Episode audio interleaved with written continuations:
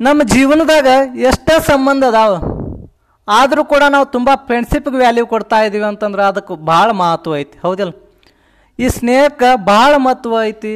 ಹೀಗಂತ ಎಷ್ಟೋ ಜನ ಸ್ನೇಹಿತರು ದೂರ ದೂರ ಆಗಿರೋದನ್ನು ನಾವು ನೋಡಿದ್ದೀವಿ ಜಗಳಾಡುವುದನ್ನು ನಾವು ನೋಡಿದ್ದೀವಿ ಆದ್ರೆ ಒಂದು ವಿಚಾರ ಅಂತ ಅನ್ಕೋರಿ, ಒಂದು ಸಂದೇಶ ಅಂತ ಅನ್ಕೋರಿ, ಈ ಫ್ರೆಂಡ್ಶಿಪ್ ಅನ್ನೋದು ಇವತ್ತಿಂದಲ್ಲ, ಹಿಂದಿಂದಲ್ಲ, ಹಿಂದಿನ ಒಂದು ಮಹಾಭಾರತದಿಂದಲೂ ಕೂಡ ಬಂದಿರೋದು, ಕರ್ಣನಿಂದಲೂ ಕೂಡ ಬಂದಿರೋದು, ಈ ಸ್ನೇಹಕ್ಕೆ ತುಂಬ ವ್ಯಾಲ್ಯೂ ಐತಿ.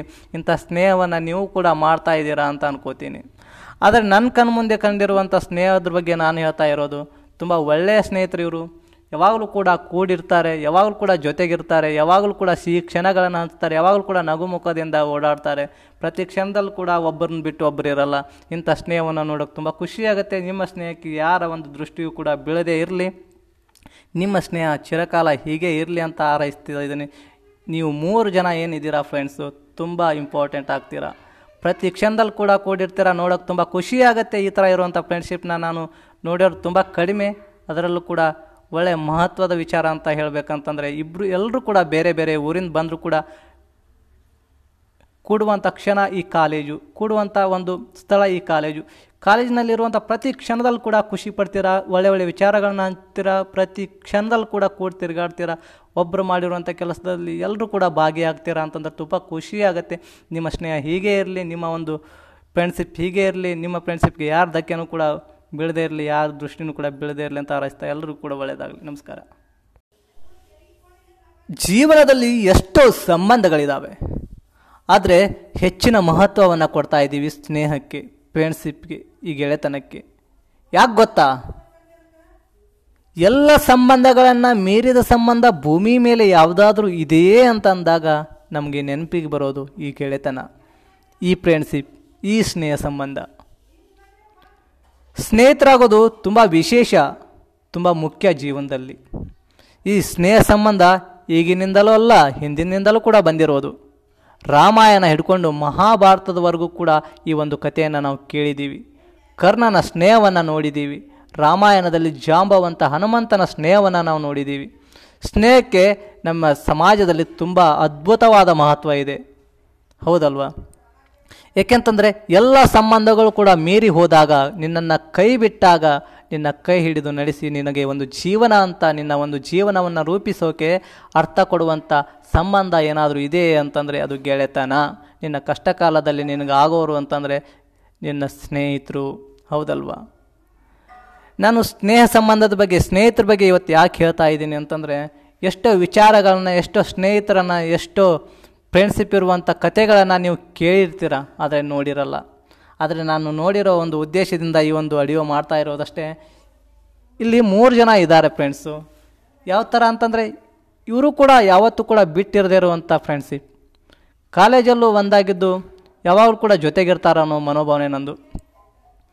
ಸ್ನೇಹಿತರಂದರೆ ಹೇಗಿರಬೇಕು ಅಂತ ಇವರನ್ನು ನೋಡಿ ಕಲಿಬೋದು. ಪ್ರತಿ ಕ್ಷಣದಲ್ಲೂ ಕೂಡ ಕೂಡಿರ್ತಾರೆ. ಬರ್ತಾ ಇರುವಂಥ ಊರುಗಳು ಬೇರೆ ಬೇರೆ ಆದರೂ ವಾಹನಗಳು ಬೇರೆ ಬೇರೆ ಆದರೂ ಸೇರುವಂಥ ಸ್ಥಳ ಒಂದೇ ಕಾಲೇಜ್. ಕಾಲೇಜ್ ಅನ್ನೋದು ಫ್ರೆಂಡ್ಶಿಪ್ಗೆ ತುಂಬ ಪರ್ಫೆಕ್ಟ್ ಅನಿಸಿದರೆ ಆ ಪರ್ಫೆಕ್ಟ್ನೆಸ್ ಇವ್ರಿಗೆ ತುಂಬ ಪರ್ಫೆಕ್ಟ್ ಸ್ನೇಹಿತರು ಯಾವಾಗಲೂ ಕೂಡ ಕೂಡಿರ್ತಾರೆ, ಪ್ರತಿ ಕ್ಷಣ ಕೂಡ ಎಂಜಾಯ್ ಮಾಡ್ತಾರೆ. ಪ್ರತಿ ಕ್ಷಣ ಕೂಡ ಮೋಜಾ ಮೋಜು ಮಸ್ತಿ ಮಾಡ್ತಾರೆ, ಪ್ರತಿ ಕ್ಷಣ ಕೂಡ ಕೂಡಿ ಹಂಚ್ಕೊಂಡು ತಿಂತಾರೆ. ಕಾಲೇಜ್ ಬಂಕ್ ಮಾಡೋದ್ರಿಂದ ಹಿಡ್ಕೊಂಡು ಮನೆಗೆ ಹೋಗುವವರೆಗೂ ಕೂಡ ಕೂಡಿರ್ತಾರೆ. ಪ್ರತಿ ಕ್ಷಣ ಕೂಡ ತಮ್ಮ ತಮ್ಮ ವಿಚಾರಗಳನ್ನು ಹಂಚ್ಕೋತಾರೆ. ಪ್ರತಿ ಕ್ಷಣದಲ್ಲೂ ಕೂಡ ವಿದ್ಯಾಭ್ಯಾಸವನ್ನು ಕೂಡ ಹಂಚ್ಕೋತಾರೆ. ಪ್ರತಿ ಕ್ಷಣದಲ್ಲೂ ಕೂಡ ಒಬ್ಬರಿಗೊಬ್ರಿಗೆ ಹೆಲ್ಪಿಗೆ ಆಗ್ತಾರೆ. ಇಂಥ ಸ್ನೇಹವನ್ನು ನೋಡೋಕೆ ತುಂಬ ಖುಷಿ ಆಗತ್ತಲ್ಲ? ಈ ಥರ ಇರುವಂಥ ಇವರ ಸಂಬಂಧಗಳಿಗೆ ನಾವು ಬೆಲೆ ಕೊಡೋಕ್ಕಾಗಲ್ಲ. ಇಂಥ ಸಂಬಂಧಗಳಿಗೆ ನಾವು ಏನು ಹೇಳೋಕ್ಕೂ ಆಗಲ್ಲ. ಮಾತೇ ಬರಲ್ಲ ನೋಡ್ ನೋಡಿದಾಕ್ಷಣ ಇವರ ಒಂದು ಫ್ರೆಂಡ್ಶಿಪ್ಗೆ ಇವರ ಒಂದು ಸ್ನೇಹಕ್ಕೆ ಯಾರ ದೃಷ್ಟಿ ಕೂಡ ಬೆಳೆದೇ ಇರಲಿ ಅಂತ ಭಾವಿಸ್ತೀನಿ. ಇವರ ಒಂದು ಸ್ನೇಹ ಚಿರಕಾಲ ಹೀಗೆ ಇರಲಿ ಅಂತ ಹಾರೈಸ್ತಾ ಇದ್ದೀನಿ. ಸ್ನೇಹಿತರೆ, ಈ ಎ ಎಂ ಕೆ ಅಂತ ಏನಿದೆಯೋ ಈ ಮೂರು ಜನ ಕೂಡ very wonderful persons wonderful students wonderful friends ಅಂತ ಹೇಳ್ಬೋದು. ಅವ್ರ ಜೀವನದಲ್ಲಿ ಹೇಗಿದ್ದಾರೋ ಗೊತ್ತಿಲ್ಲ ಬಟ್ ನೋಡುವಂಥ ನಮ್ಮ ಕಣ್ಣಿಗೆ ಇವರ ಫ್ರೆಂಡ್ಶಿಪ್ ತುಂಬ ಇಂಪಾರ್ಟೆಂಟ್ ಅನಿಸುತ್ತೆ, ತುಂಬ ಖುಷಿ ಕೊಡುತ್ತೆ. ಹೀಗೆ ಇರಬೇಕು ಅಂತ ಆಸೆ ಪಡ್ತಾ ಇದ್ವಿ ಯಾವಾಗಲೂ ಕೂಡ ಮೂರು ಜನ ಒಟ್ಟಿಗೆ ಇದ್ದರೆ ಯಾರು ಕೂಡ ಬೇಡ, ಬೇರೆ ಮಾಡೋಕ್ಕೆ ದೂರ ಮಾಡೋಕ್ಕೆ ಆಗೋದಿಲ್ಲ. ಎಷ್ಟೋ ಜನ ದೂರ ಆಗೋದವ್ರು ನೋಡಿದ್ದೀವಿ ಎಷ್ಟೋ ಜನ ಮಾತು ಬಿಟ್ಟು ತಮ್ಮ ಸ್ನೇಹವನ್ನು ಕಳ್ಕೊಂಡವ್ರು ನೋಡಿದ್ದೀವಿ ಎಷ್ಟೋ ಜನ ಸ್ನೇಹಕ್ಕಾಗಿ ಸ್ವಾರಿ ಕೇಳಿದವ್ರು ನೋಡಿದ್ದೀವಿ ಎಷ್ಟೋ ಜನ ಟ್ಯಾಂಕ್ಸ್ ಹೇಳಿದವ್ರು ನೋಡಿದ್ದೀವಿ ಇಂಥವ್ರ ಮಧ್ಯೆ ಇವರು ಕೂಡ ಇದ್ದಾರೆ ಅಂತಂದರೆ ತುಂಬ ಖುಷಿಯಾಗತ್ತೆ ಹೌದಲ್ವಾ? ಸ್ನೇಹಕ್ಕಾಗಿ ಯಾವತ್ತೂ ಕೂಡ ಕೂಡಿರ್ತಾರೆ, ಯಾವತ್ತೂ ಕೂಡ ಜೊತೆಗಿರ್ತಾರೆ, ಇವರ ಸ್ನೇಹ ತುಂಬ ಇಂಪಾರ್ಟೆಂಟ್ ಅಂತ ನಾನು ಹೇಳ್ತಾ ಇದ್ದೀನಿ ಅಂತಂದರೆ ಅವ್ರು ತುಂಬ ಮುಖ್ಯ ಆಗಿದ್ದಾರೆ ಜೀವನದಲ್ಲಿ ಅಂತಲ್ಲ. ಅವ್ರ ಫ್ರೆಂಡ್ಶಿಪ್ ತುಂಬ ಮುಖ್ಯ. ಈ ಫ್ರೆಂಡ್ಶಿಪ್ ಹೀಗೆ ಇರಲಿ ಅಂತ ಬಯಸ್ತಾ ಇದ್ದೀನಿ ಅಷ್ಟೇ. ಯಾವತ್ತೂ ಕೂಡ ಹೀಗೆ ಇರಿ, ನಗ್ನಗ್ತಾ ಜೀವನ ಮಾಡಿ, ಎಲ್ಲರೂ ಕೂಡ ಒಳ್ಳೇದು ಬಯಸಿ ಅಂತ ಹಾರೈಸ್ತಾ ಇದ್ದೀನಿ. ಎಲ್ಲರೂ ಕೂಡ ಒಳ್ಳೆಯದಾಗಲಿ ಏನಾದರೂ ತಪ್ಪು ಮಾತಾಡಿದರೆ ದಯವಿಟ್ಟು ಕ್ಷಮೆ ಇರಲಿ. ನಮಸ್ಕಾರ. ಸ್ನೇಹಿತರೆ, ಇವತ್ತು ಶಟರ್ಡೆ ಸ್ಪೆಷಲ್ ಒಂದು ಗೆಳೆತನದ ಬಗ್ಗೆ ನಾನು ಹೇಳೋಕ್ಕೆ ಇಷ್ಟಪಡ್ತಾ ಇದ್ದೀನಿ, ಒಂದು ಸ್ನೇಹ ಸಂಬಂಧದ ಬಗ್ಗೆ ನಾನು ಹೇಳೋಕ್ಕೆ ಇಷ್ಟಪಡ್ತಾ ಇದ್ದೀನಿ ಒಬ್ಬರ ಫ್ರೆಂಡ್ಶಿಪ್ ಬಗ್ಗೆ ನಾನು ಹೇಳೋಕ್ಕೆ ಇಷ್ಟಪಡ್ತಾ ಇದ್ದೀನಿ. ನಮ್ಮ ಜೀವನದಲ್ಲಿ ಅಥವಾ ಈ ಭೂಮಿ ಮೇಲೆ ಎಷ್ಟೋ ಸಂಬಂಧಗಳಿದ್ದಾವೆ ಆದರೆ ಎಲ್ಲವನ್ನ ಮೀರಿದಂಥ ಸಂಬಂಧ ಯಾವುದಾದ್ರೂ ಇದೇ ಭೂಮಿ ಮೇಲೆ ಅಂತಂದಾಗ ನಮಗೆ ನೆನಪಿಗೆ ಬರೋದು ಈ ಸ್ನೇಹ ಸಂಬಂಧ. ಈ ಗೆಳೆತನ, ಈ ಫ್ರೆಂಡ್ಶಿಪ್ ಏಕೆ ಅಂತಂದ್ರೆ ಕಷ್ಟ ಅಂತ ಬಂದಾಗ ಸ್ವತಃ ಯಾವ ಸಂಬಂಧಗಳು ಕೂಡ ನಮ್ಮ ಹೆಲ್ಪಿಗೆ ಬರೋದಿಲ್ಲ. ಸ್ವತಃ ಮನೆಯವರು ಕೂಡ ನಿನ್ನನ್ನು ಹೊರಗಡೆ ಹಾಕ್ತಾರೆ. ಮುಂದೇನು ಅನ್ನೋ ಯೋಚನೆ ಮಾಡಿದಾಗ ನೆನಪಿಗೆ ಬರೋದೇ ನಿನ್ನ ಸ್ನೇಹಿತ ಅಥವಾ ನಿನ್ನ ಗೆಳತಿ. ಹೌದಲ್ವಾ? ನಿನಗೆ ದಡ ಸೇರಿಸ್ತಾರ, ಒಂದು ಅರ್ಥ ಕೊಡ್ತಾರೆ ಜೀವನಕ್ಕೆ ನಿನ್ನ ಫ್ರೆಂಡ್ಸ್ ನಿನ್ನ ಸ್ನೇಹಿತರು, ಆ ಕ್ಷಣದಲ್ಲೂ ಕೂಡ. ಅದಕ್ಕಾಗಿ ನಾವು ಸ್ನೇಹವನ್ನು, ಸ್ನೇಹಿತರನ್ನು ತುಂಬ ಗೌರವಿಸ್ತೀವಿ, ಮಹತ್ವ ಕೊಡ್ತಾ ಇದ್ದೀವಿ ಈ ಸ್ನೇಹ ಅನ್ನೋ ಪದ ಈಗಿನಿಂದಲ್ಲ, ಹಿಂದಿನಿಂದಲೂ ಕೂಡ ಬಂದೈತಿ. ಅದಕ್ಕೆ ತುಂಬ ಮಹತ್ವ ಹಿಂದಿನಿಂದಲೂ ಕೂಡ ಐತಿ. ರಾಮಾಯಣ ತಗೊಂಡ್ರ, ಮಹಾಭಾರತ ತಗೊಂಡ್ರ, ಅವಾಗಲೂ ಕೂಡ ತುಂಬ ಒಳ್ಳೆಯ ಸ್ನೇಹಿತರಿದ್ದರು ಸ್ನೇಹಕ್ಕೆ ಒಳ್ಳೆಯ ಮಹತ್ವ ಇತ್ತು. ಮಹಾಭಾರತ ತಗೊಂಡ್ರ ಕರ್ಣನ ಸ್ನೇಹವನ್ನು ನಾವು ಮರೆಯಂಗಿಲ್ಲ. ರಾಮಾಯಣ ತಗೊಂಡ್ರೆ ಜಾಂಬವಂತ ಹನುಮಂತನ ಸ್ನೇಹವನ್ನು ನಾವು ಮರೆಯಂಗಿಲ್ಲ. ಅಂಥವ್ರು ಕೂಡಿಟ್ಟು ಮಾಡಿರುವಂಥ ಸ್ನೇಹದ ಪ್ರತೀಕವನ್ನು ನಾವು ಇವಾಗ ನೋಡ್ತಾ ಇದ್ದೀವಿ. ಎಷ್ಟೋ ಜನ ಸ್ನೇಹಕ್ಕಾಗಿ ಪ್ರಾಣ ತೆಗೆದಾರ, ಎಷ್ಟೋ ಜನ ಸ್ನೇಹಕ್ಕಾಗಿ ಪ್ರಾಣ ಕೊಟ್ಟಾರ. ಎಷ್ಟೋ ಜನ ತಮ್ಮ ಸ್ನೇಹವನ್ನು ಉಳಿಸ್ಕೊಳ್ಳೋಕೆ ತಪ್ಪು ಇರ್ದಿದ್ರು ಕೂಡ ಸ್ವಾರಿ ಕೇಳ್ಯಾರ, ಎಷ್ಟೋ ಜನ ಟ್ಯಾಂಕ್ಸ್ ಹೇಳ್ಯಾರ. ಇಂಥದ್ರ ಮಧ್ಯೆ ನೀವು ಎಷ್ಟೋ ಫ್ರೆಂಡ್ಶಿಪ್ಗಳನ್ನು ಕೇಳಿರ್ತೀರ, ಎಷ್ಟೋ ಫ್ರೆಂಡ್ಶಿಪ್ಗಳನ್ನು ನೋಡಿರ್ತೀರ. ಆದರೂ ನಾನು ಒಂದು ಫ್ರೆಂಡ್ಶಿಪ್ಪನ್ನು ನೋಡ್ತಾ ಇದ್ದೀನಿ, ಸ್ನೇಹ ಸಂಬಂಧವನ್ನು ನೋಡ್ತಾ ಇದ್ದೀನಿ, ಗೆಳೆತನವನ್ನು ನೋಡ್ತಾ ಇದ್ದೀನಿ. ತುಂಬ ಇಂಪಾರ್ಟೆಂಟ್ ಆಗುತ್ತೆ, ತುಂಬ ಖುಷಿ ಕೊಡತ್ತೆ. ನಾನು ಮಾತಾಡ್ತಿದ್ದೀನಿ ಅಂತಂದರೆ ತುಂಬ ಖುಷಿ ವಿಚಾರಗಳನ್ನು ಕೂಡ ಹಂಚ್ಕೋತೀನಿ ಅಷ್ಟೇ. ಸ್ನೇಹಿತರೆ, ಕಾಲೇಜು ಅಂತ ತೆಗೆದುಕೊಂಡಾಗ ಎಷ್ಟೋ ವಿಚಾರಗಳನ್ನು ನಾವು ಹಂಚ್ಕೋತೀವಿ, ಎಷ್ಟೋ ಆಲೋಚನೆಗಳನ್ನು ನಾವು ಮಾಡ್ತೀವಿ, ಹೌದಲ್ವ? ಯಾಕೆಂತಂದರೆ ಕಾಲೇಜು ಅಂದಾಕ್ಷಣ ಎಷ್ಟೋ ಭೇದ ಭಾವಗಳು ಕೂಡ ಇರ್ತವೆ, ಎಷ್ಟೋ ಮಾತುಗಳು ಕೂಡ ಬರ್ತವೆ. ಎಷ್ಟೋ ಮಾತಿಗಾಗಿ ನಾವು ದೂರ ದೂರ ಆಗ್ತೀವಿ, ಎಷ್ಟೋ ವಿಚಾರಗಳನ್ನು ಹಂಚಿಕೊಂಡಾಗ ಅವ್ರಿಗೂ ನಮಗೂ ಆಗೇ ಬರದೆ ಎಷ್ಟೋ ಸಂಬಂಧಗಳನ್ನು ನಾವು ದೂರ ಮಾಡ್ಕೋತೀವಿ. ಇಂಥದ್ರ ಮಧ್ಯೆ ಕೂಡ ಇಲ್ಲಿ ಒಳ್ಳೆಯ ಸ್ನೇಹಿತರಿದ್ದಾರೆ. ಒಳ್ಳೆಯ ಸಂಬಂಧವನ್ನು ಬೆಳೆಸ್ತಾ ಇದ್ದಾರೆ. ಇವರ ಫ್ರೆಂಡ್ಶಿಪ್ ತುಂಬ ಇಂಪಾರ್ಟೆಂಟ್ ಆಗುತ್ತೆ, ತುಂಬ ಖುಷಿ ಕೊಡುತ್ತೆ ನೋಡೋರಿಗೂ ಕೂಡ ಒಂದು ಆಲೋಚನೆ ತುಂಬ ಬಂದೇ ಬರುತ್ತೆ. ಎ ಎಂ ಕೆ ಈ ಮೂವರು ತುಂಬ ಇಂಪಾರ್ಟೆಂಟ್ ಒಳ್ಳೆಯ ಫ್ರೆಂಡ್ಸ್ ಅಂತ ಹೇಳ್ಬೋದು. ಬರುವಂಥ ಊರುಗಳು ಬೇರೆ ಬೇರೆ ಆದರೂ ಬರುವಂಥ ವಾಹನಗಳು ಬೇರೆ ಬೇರೆ ಆದರೂ ಕೂಡುವಂಥ ಸ್ಥಳ ಒಂದೇ ಕಾಲೇಜ್. ಕಾಲೇಜ್ ಅನ್ನೋದು ಸ್ನೇಹಕ್ಕೆ, ಸಂಬಂಧಕ್ಕೆ ಪರ್ಫೆಕ್ಟ್ ಆದರೆ ಆ ಪರ್ಫೆಕ್ಟ್ಗೆ ಇವರು ಪರ್ಫೆಕ್ಟ್ನೆಸ್ ಅಂತ ಅನ್ಬೋದು. ಸ್ನೇಹಿತರೆ, ಸ್ನೇಹ ಸ್ನೇಹ ಸ್ನೇಹ ಅಂತ ನಾನು ಹೇಳ್ತಾ ಇದ್ದೀನಿ ಅಂತಂದರೆ ಇವ್ರ ಸ್ನೇಹ ತುಂಬ ಇಂಪಾರ್ಟೆಂಟ್ ಅಂತ ಯಾಕೆ ಹೇಳ್ತಿದ್ದೀನಿ ಅಂತಂದರೆ ಯಾವಾಗಲೂ ಕೂಡ ಜೊತೆಗಿರ್ತಾರೆ. ಫಸ್ಟ್ ಆಫ್ ಆಲ್ ಕಾಲೇಜಿಗೆ ಬರುವಾಗಲೂ ಕೂಡ ಕೂಡಿ ಬರುವಂಥ ಪ್ರಸಂಗವನ್ನು ಎದುರಿಸ್ತಾರೆ. ಕಾಲೇಜ್ ಬಂಕ್ ಮಾಡುವಾಗಲೂ ಕೂಡ ಜೊತೆಗಿರ್ತಾರೆ. ಮೋಜು ಮಸ್ತಿ ಮಾಡುವಾಗಲೂ ಕೂಡ ಜೊತೆಗಿರ್ತಾರೆ. ಒಳ್ಳೆಯ ಒಳ್ಳೆಯ ವಿಚಾರಗಳನ್ನ ಹಂಚಿಕೊಳ್ಳುವಾಗಲೂ ಕೂಡ ಜೊತೆಗಿರ್ತಾರೆ. ಕೂತ್ ಮಾತಾಡುವಾಗಲೂ ಕೂಡ ಜೊತೆಗಿರ್ತಾರೆ. ಮೋಜು ಮಸ್ತಿ ಮಾಡುವಾಗಲೂ ಕೂಡ ಜೊತೆಗಿರ್ತಾರೆ. ಸಿಹಿ ಕ್ಷಣಗಳನ್ನು ಹಂಚುವಾಗಲೂ ಕೂಡ ಜೊತೆಗಿರ್ತಾರೆ. ಊಟ ಮಾಡುವಾಗಲೂ ಕೂಡ ಜೊತೆಗೇ ಇರ್ತಾರೆ. ಕೊನೆಗೆ ಮನೆಗೆ ಹೋಗುವಾಗಲೂ ಕೂಡ ಜೊತೆಗೆ ಹೋಗ್ತಾರೆ. ಒಳ್ಳೆಯ ಅದ್ಭುತ ಸಂಬಂಧವನ್ನು, ಒಳ್ಳೆಯ ಗೆಳೆತನವನ್ನು ಇವರು ಹೊಂದಿದ್ದಾರೆ. ಸೊ ಇವರ ಒಂದು ಫ್ರೆಂಡ್ಶಿಪ್ಗೆ ಇವರ ಒಂದು ಸ್ನೇಹಕ್ಕೆ ಯಾರ ದೃಷ್ಟಿ ಕೂಡ ಬೀಳದೇ ಇರಲಿ. ಈ ಸ್ನೇಹ ಸಂಬಂಧ, ಈ ಒಂದು ಗೆಳೆತನ ಚಿರಕಾಲ ಹೀಗೆ ಇರಲಿ ಅಂತ ಹಾರೈಸ್ತಾ ಇದ್ದೀನಿ. ಈ ಥರ ಇದ್ದರೆ ಯಾರು ಕೂಡ ಬೇರೆ ಮಾಡೋಕ್ಕಾಗಲ್ಲ. ಯಾರೂ ಏನೂ ಮಾಡ್ಕೊಳ್ಳೋಕ್ಕೂ ಕೂಡ ಆಗಲ್ಲ. ಈ ಥರ ಇರುವಂಥ ಸಂಬಂಧವನ್ನು, ಈ ಥರ ಇರುವಂಥ ಸ್ನೇಹವನ್ನು ನಾವು ನೋಡಿ ಖುಷಿ ಪಡಬೇಕು. ಹೌದಲ್ವಾ? ಈ ಥರ ಎಲ್ಲರೂ ಕೂಡ ಜೊತೆಗಿದ್ದರೆ ಈ ಒಂದು ಕಾಲೇಜಿಗೆ, ಈ ಒಂದು ಸ್ನೇಹಕ್ಕೆ ತುಂಬ ಅರ್ಥ ಬರುತ್ತೆ, ತುಂಬ ಮಹತ್ವ ಬೆಳೆಯುತ್ತೆ. ಈ ಸ್ನೇಹಕ್ಕೆ, ಈ ಸ್ನೇಹಿತರಿಗೆ, ಈ ಗೆಳೆತನಕ್ಕೆ ಒಂದು ಅರ್ಥ ಇದೆ ಅಂತ ಇಂಥ ಫ್ರೆಂಡ್ಶಿಪ್ಪನ್ನು ನಾವು ನೋಡಿ ನಾವು ಕಲಿಬೋದು ಯಾವಾಗಲೂ ಕೂಡ ಅಟ್ಯಾಚ್ಮೆಂಟ್ ಇದೆಯಲ್ಲ ವಂಡರ್ಫುಲ್ ಈ ಅಟ್ಯಾಚ್ಮೆಂಟ್ ಈ ಸ್ನೇಹ ಸಂಬಂಧ, ಈ ಗೆಳೆತನ, ಈ ಪ್ರೀತಿ ವಾತ್ಸಲ್ಯ, ನಿಮ್ಮ ಮಧ್ಯೆ ಇರುವಂಥ ಈ ಸಂಬಂಧ ಯಾವಾಗಲೂ ಕೂಡ ಹೇಗೆ ಗಟ್ಟಿಯಾಗಿರಲಿ ಅಂತ ಹಾರೈಸ್ತಾ ಇದ್ದೀನಿ. ಎಲ್ರಿಗೂ ಕೂಡ ಒಳ್ಳೆಯದಾಗಲಿ ಏನಾದರೂ ಮಾತಾಡಿದ್ರಲ್ಲಿ ತಪ್ಪಿದ್ದರೆ ದಯವಿಟ್ಟು ಕ್ಷಮೆ ಇರಲಿ. ನಮಸ್ಕಾರ. ಸ್ನೇಹಿತರೆ, ನಮ್ಮ ಜೀವನದಾಗೂ ನಾವು ಅಂತಿರ್ತೀವಿ. ನಾನು ಆ ಥರ ಮಾಡಬೇಕಾಗಿತ್ತು, ಈ ಥರ ಮಾಡಬೇಕಾಗಿತ್ತು. ನನಗೆ ಯಾರೂ ಸಪೋರ್ಟಿವ್ ಮಾಡೋರಿಲ್ಲ ನನ್ನ ಹಿಂದಿನ ಬ್ಯಾಕ್ಗ್ರೌಂಡ್ ಚೆನ್ನಾಗಿಲ್ಲ. ನನ್ನ ಹತ್ರ ಹಣ ಇಲ್ಲ. ನನಗೆ ಯಾರೂ ಎನ್ಕರೇಜ್ ಮಾಡೋರಿಲ್ಲ ಅಂತ ನಾವು ಮಾತುಗಳನ್ನು ಕೇಳಿರ್ತೀವಿ. ಆದರೂ ಕೂಡ ನಮ್ಮ ಸುತ್ತಮುತ್ತ ತೊಗೊಂಡ್ರೆ ಸಾಧಕರಿಗೇನು ಕಡಿಮೆ ಇಲ್ಲ. ತುಂಬ ಸಾಧಕರು ಅದಾರ ಅಂಥ ಸಾಧಕರ ಬಗ್ಗೆನೇ ನಾನು ಇವತ್ತು ಹೇಳಕ್ಕೆ ಬಂದಿದ್ದೇನೆ. ಅಲ್ಲಿ ಇಲ್ಲಿ ಅಂತ ಹೇಳಾಕತ್ತಿಲ್ಲ. ನಮ್ಮ ಊರಿನ ಒಬ್ಬ ಸಾಧಕನ ಬಗ್ಗೆ ನಾನು ಹೇಳಾಕತ್ತನ. ಸಾಧಕರ ಬಗ್ಗೆ ನಾನು ಹೇಳಾಕತ್ತನ. ನಮ್ಮ ಊರು ಯಾವುದು ಅಂತಂದ್ರೆ ಜಮಖಂಡಿ ತಾಲೂಕು ಸಿದ್ದಾಪುರ ಅನ್ನೋ ಒಂದು ಚಿಕ್ಕ ಹಳ್ಳಿ ನಮ್ಮದು ಚಿಕ್ಕ ಹಳ್ಳಿ ಆದರೂ ಕೂಡ ಚೊಕ್ಕ ಹಳ್ಳಿ ಯಾವುದಕ್ಕೂ ಕೂಡ ಕಡಿಮೆ ಇಲ್ಲ. ಇಂಥ ಹಳ್ಳಿ ಒಳಗೆ ಒಬ್ಬ ಸಾಧಕ ಒಬ್ಬ ಪರಿಚಯ ಮಾಡಾಕತ್ತನು. ಈ ಸಾಧಕ ಹೆಂಗಂತಂದ್ರೆ ಹುಟ್ಟಿದಾಗಿನಿಂದಲೂ ಕೂಡ ಸಂಗೀತದ ಮೇಲೆ ಭಾಳ ಪ್ರೀತಿ. ಏನಾದರೂ ಮಾಡಬೇಕು ಅಂತ ಅಂದ್ಕೊಂಡು ಬೆಂಗಳೂರಿಗೆ ಹೋಗ್ತಾರೆ? ಅಲ್ಲಿ ಎಸ್ ನಾರಾಯಣ್ ಹಾಗೂ ದಿಗ್ಗಜರ ಭೇಟಿ ಮಾಡ್ತಾರೆ? ತದನಂತರ ಮತ್ತೆ ತಮ್ಮೂರಿಗೆ ಬರ್ತಾರೆ? ತಮ್ಮೂರಿಗೆ ಬಂದು ಜೀವನ ನಡೆಸಲು ಒಂದು ಶಾಪನ್ನು ಇಡ್ತಾರೆ, ಮೊಬೈಲ್ ಶಾಪನ್ನು ಇಟ್ಟು ದಿನ ಒಂದು ಆದಾಯವನ್ನು ಮಾಡ್ತಾ ಜೀವನ ಸಾಗಿಸ್ತಾ ಇರ್ತಾರೆ. ಹೀಗೆ ಜೀವನ ಸಾಗಿಸ್ಬೇಕಾದ್ರೆ ವಿದ್ಯಾರ್ಥಿಗಳಿಗೆ ವಿದ್ಯಾಭ್ಯಾಸವನ್ನು ಕೊಡ್ತಾರೆ. ಯೋಗಾಸನವನ್ನು ಮಾಡಿಸ್ತಾರೆ. ತಮ್ಮಲ್ಲಿರುವಂಥ ಧ್ಯಾನವನ್ನು ತುಂಬ್ತಾರೆ. ವಿದ್ಯಾರ್ಥಿಗಳಿಗೆ ಮಾರ್ಗದರ್ಶನವನ್ನು ಮಾಡ್ತಾ ಹೊಸ ಆಲೋಚನೆಗಳನ್ನು ತಮ್ಮ ಬತ್ತಳಿಕೆಯಲ್ಲಿರುವಂಥ ಮಾರ್ಗದರ್ಶನವನ್ನು ವಿದ್ಯಾರ್ಥಿಗಳಿಗೆ ತುಂಬ್ತಾರೆ. ಹೀಗೆ ಮಾಡ್ತಾ ಮಾಡ್ತಾ ಬೆಳೀತಾ ಎಷ್ಟೋ ಕಾರ್ಯಕ್ರಮಗಳನ್ನು ಕೂಡ ಕೊಡ್ತಾರೆ. ಸ್ವತಃ ನೀವು ನೋಡ್ತಾ ಇರುವಂಥ ಉದಯ್ ಚಾನಲ್ಗಳಲ್ಲಿ ಹಾಗೂ ಒಂದು ಸುವರ್ಣ ನ್ಯೂಸ್ಗಳಲ್ಲಿ ಕೂಡ ತಮ್ಮ ಹಾಡುಗಳನ್ನು ವ್ಯಕ್ತಪಡಿಸ್ತಾರೆ. ಕಾರ್ಯಕ್ರಮವನ್ನು ಕೊಡ್ತಾರೆ. ನಮ್ಮ ಊರಿನ ಕೀರ್ತಿ ಪತಾಕಿಯನ್ನು ಅಲ್ಲೂ ಕೂಡ ಕೊಂಡೊಯ್ತಾರೆ. ಏನಾದರೂ ಮಾಡಬೇಕು ಅನ್ನೋ ಛಲದಿಂದ ನಮ್ಮ ಭಾರತ ಅನ್ನೋ ಒಂದು ಸೌಹಾರ್ದ ಬ್ಯಾಂಕನ್ನು ಕೂಡ ತೆಗಿತಾರೆ. ನಮ್ಮ ಭಾರತ ಅನ್ನೋ ಸೌಹಾರ್ದ ಬ್ಯಾಂಕದಿಂದ ಎಷ್ಟೋ ಜನರಿಗೆ ಕೆಲಸ ಅವಕಾಶಗಳನ್ನು ಕೊಡ್ತಾರೆ, ಉದ್ಯೋಗ ಅವಕಾಶಗಳನ್ನು ಕೊಡ್ತಾರೆ, ಅವರಿಗೂ ಕೂಡ ನೆರವಾಗ್ತಾರೆ. ಹಾಗೆಯೇ ಸ್ವತಃ ಮ್ಯಾನುಫ್ಯಾಕ್ಚರಿಂಗ್ ಮಾಡ್ತಾರೆ ನಮ್ಮ ಭಾರತ ಅನ್ನೋ L E D T V ಮತ್ತು ಚಾರ್ಜರ್ಗಳನ್ನು,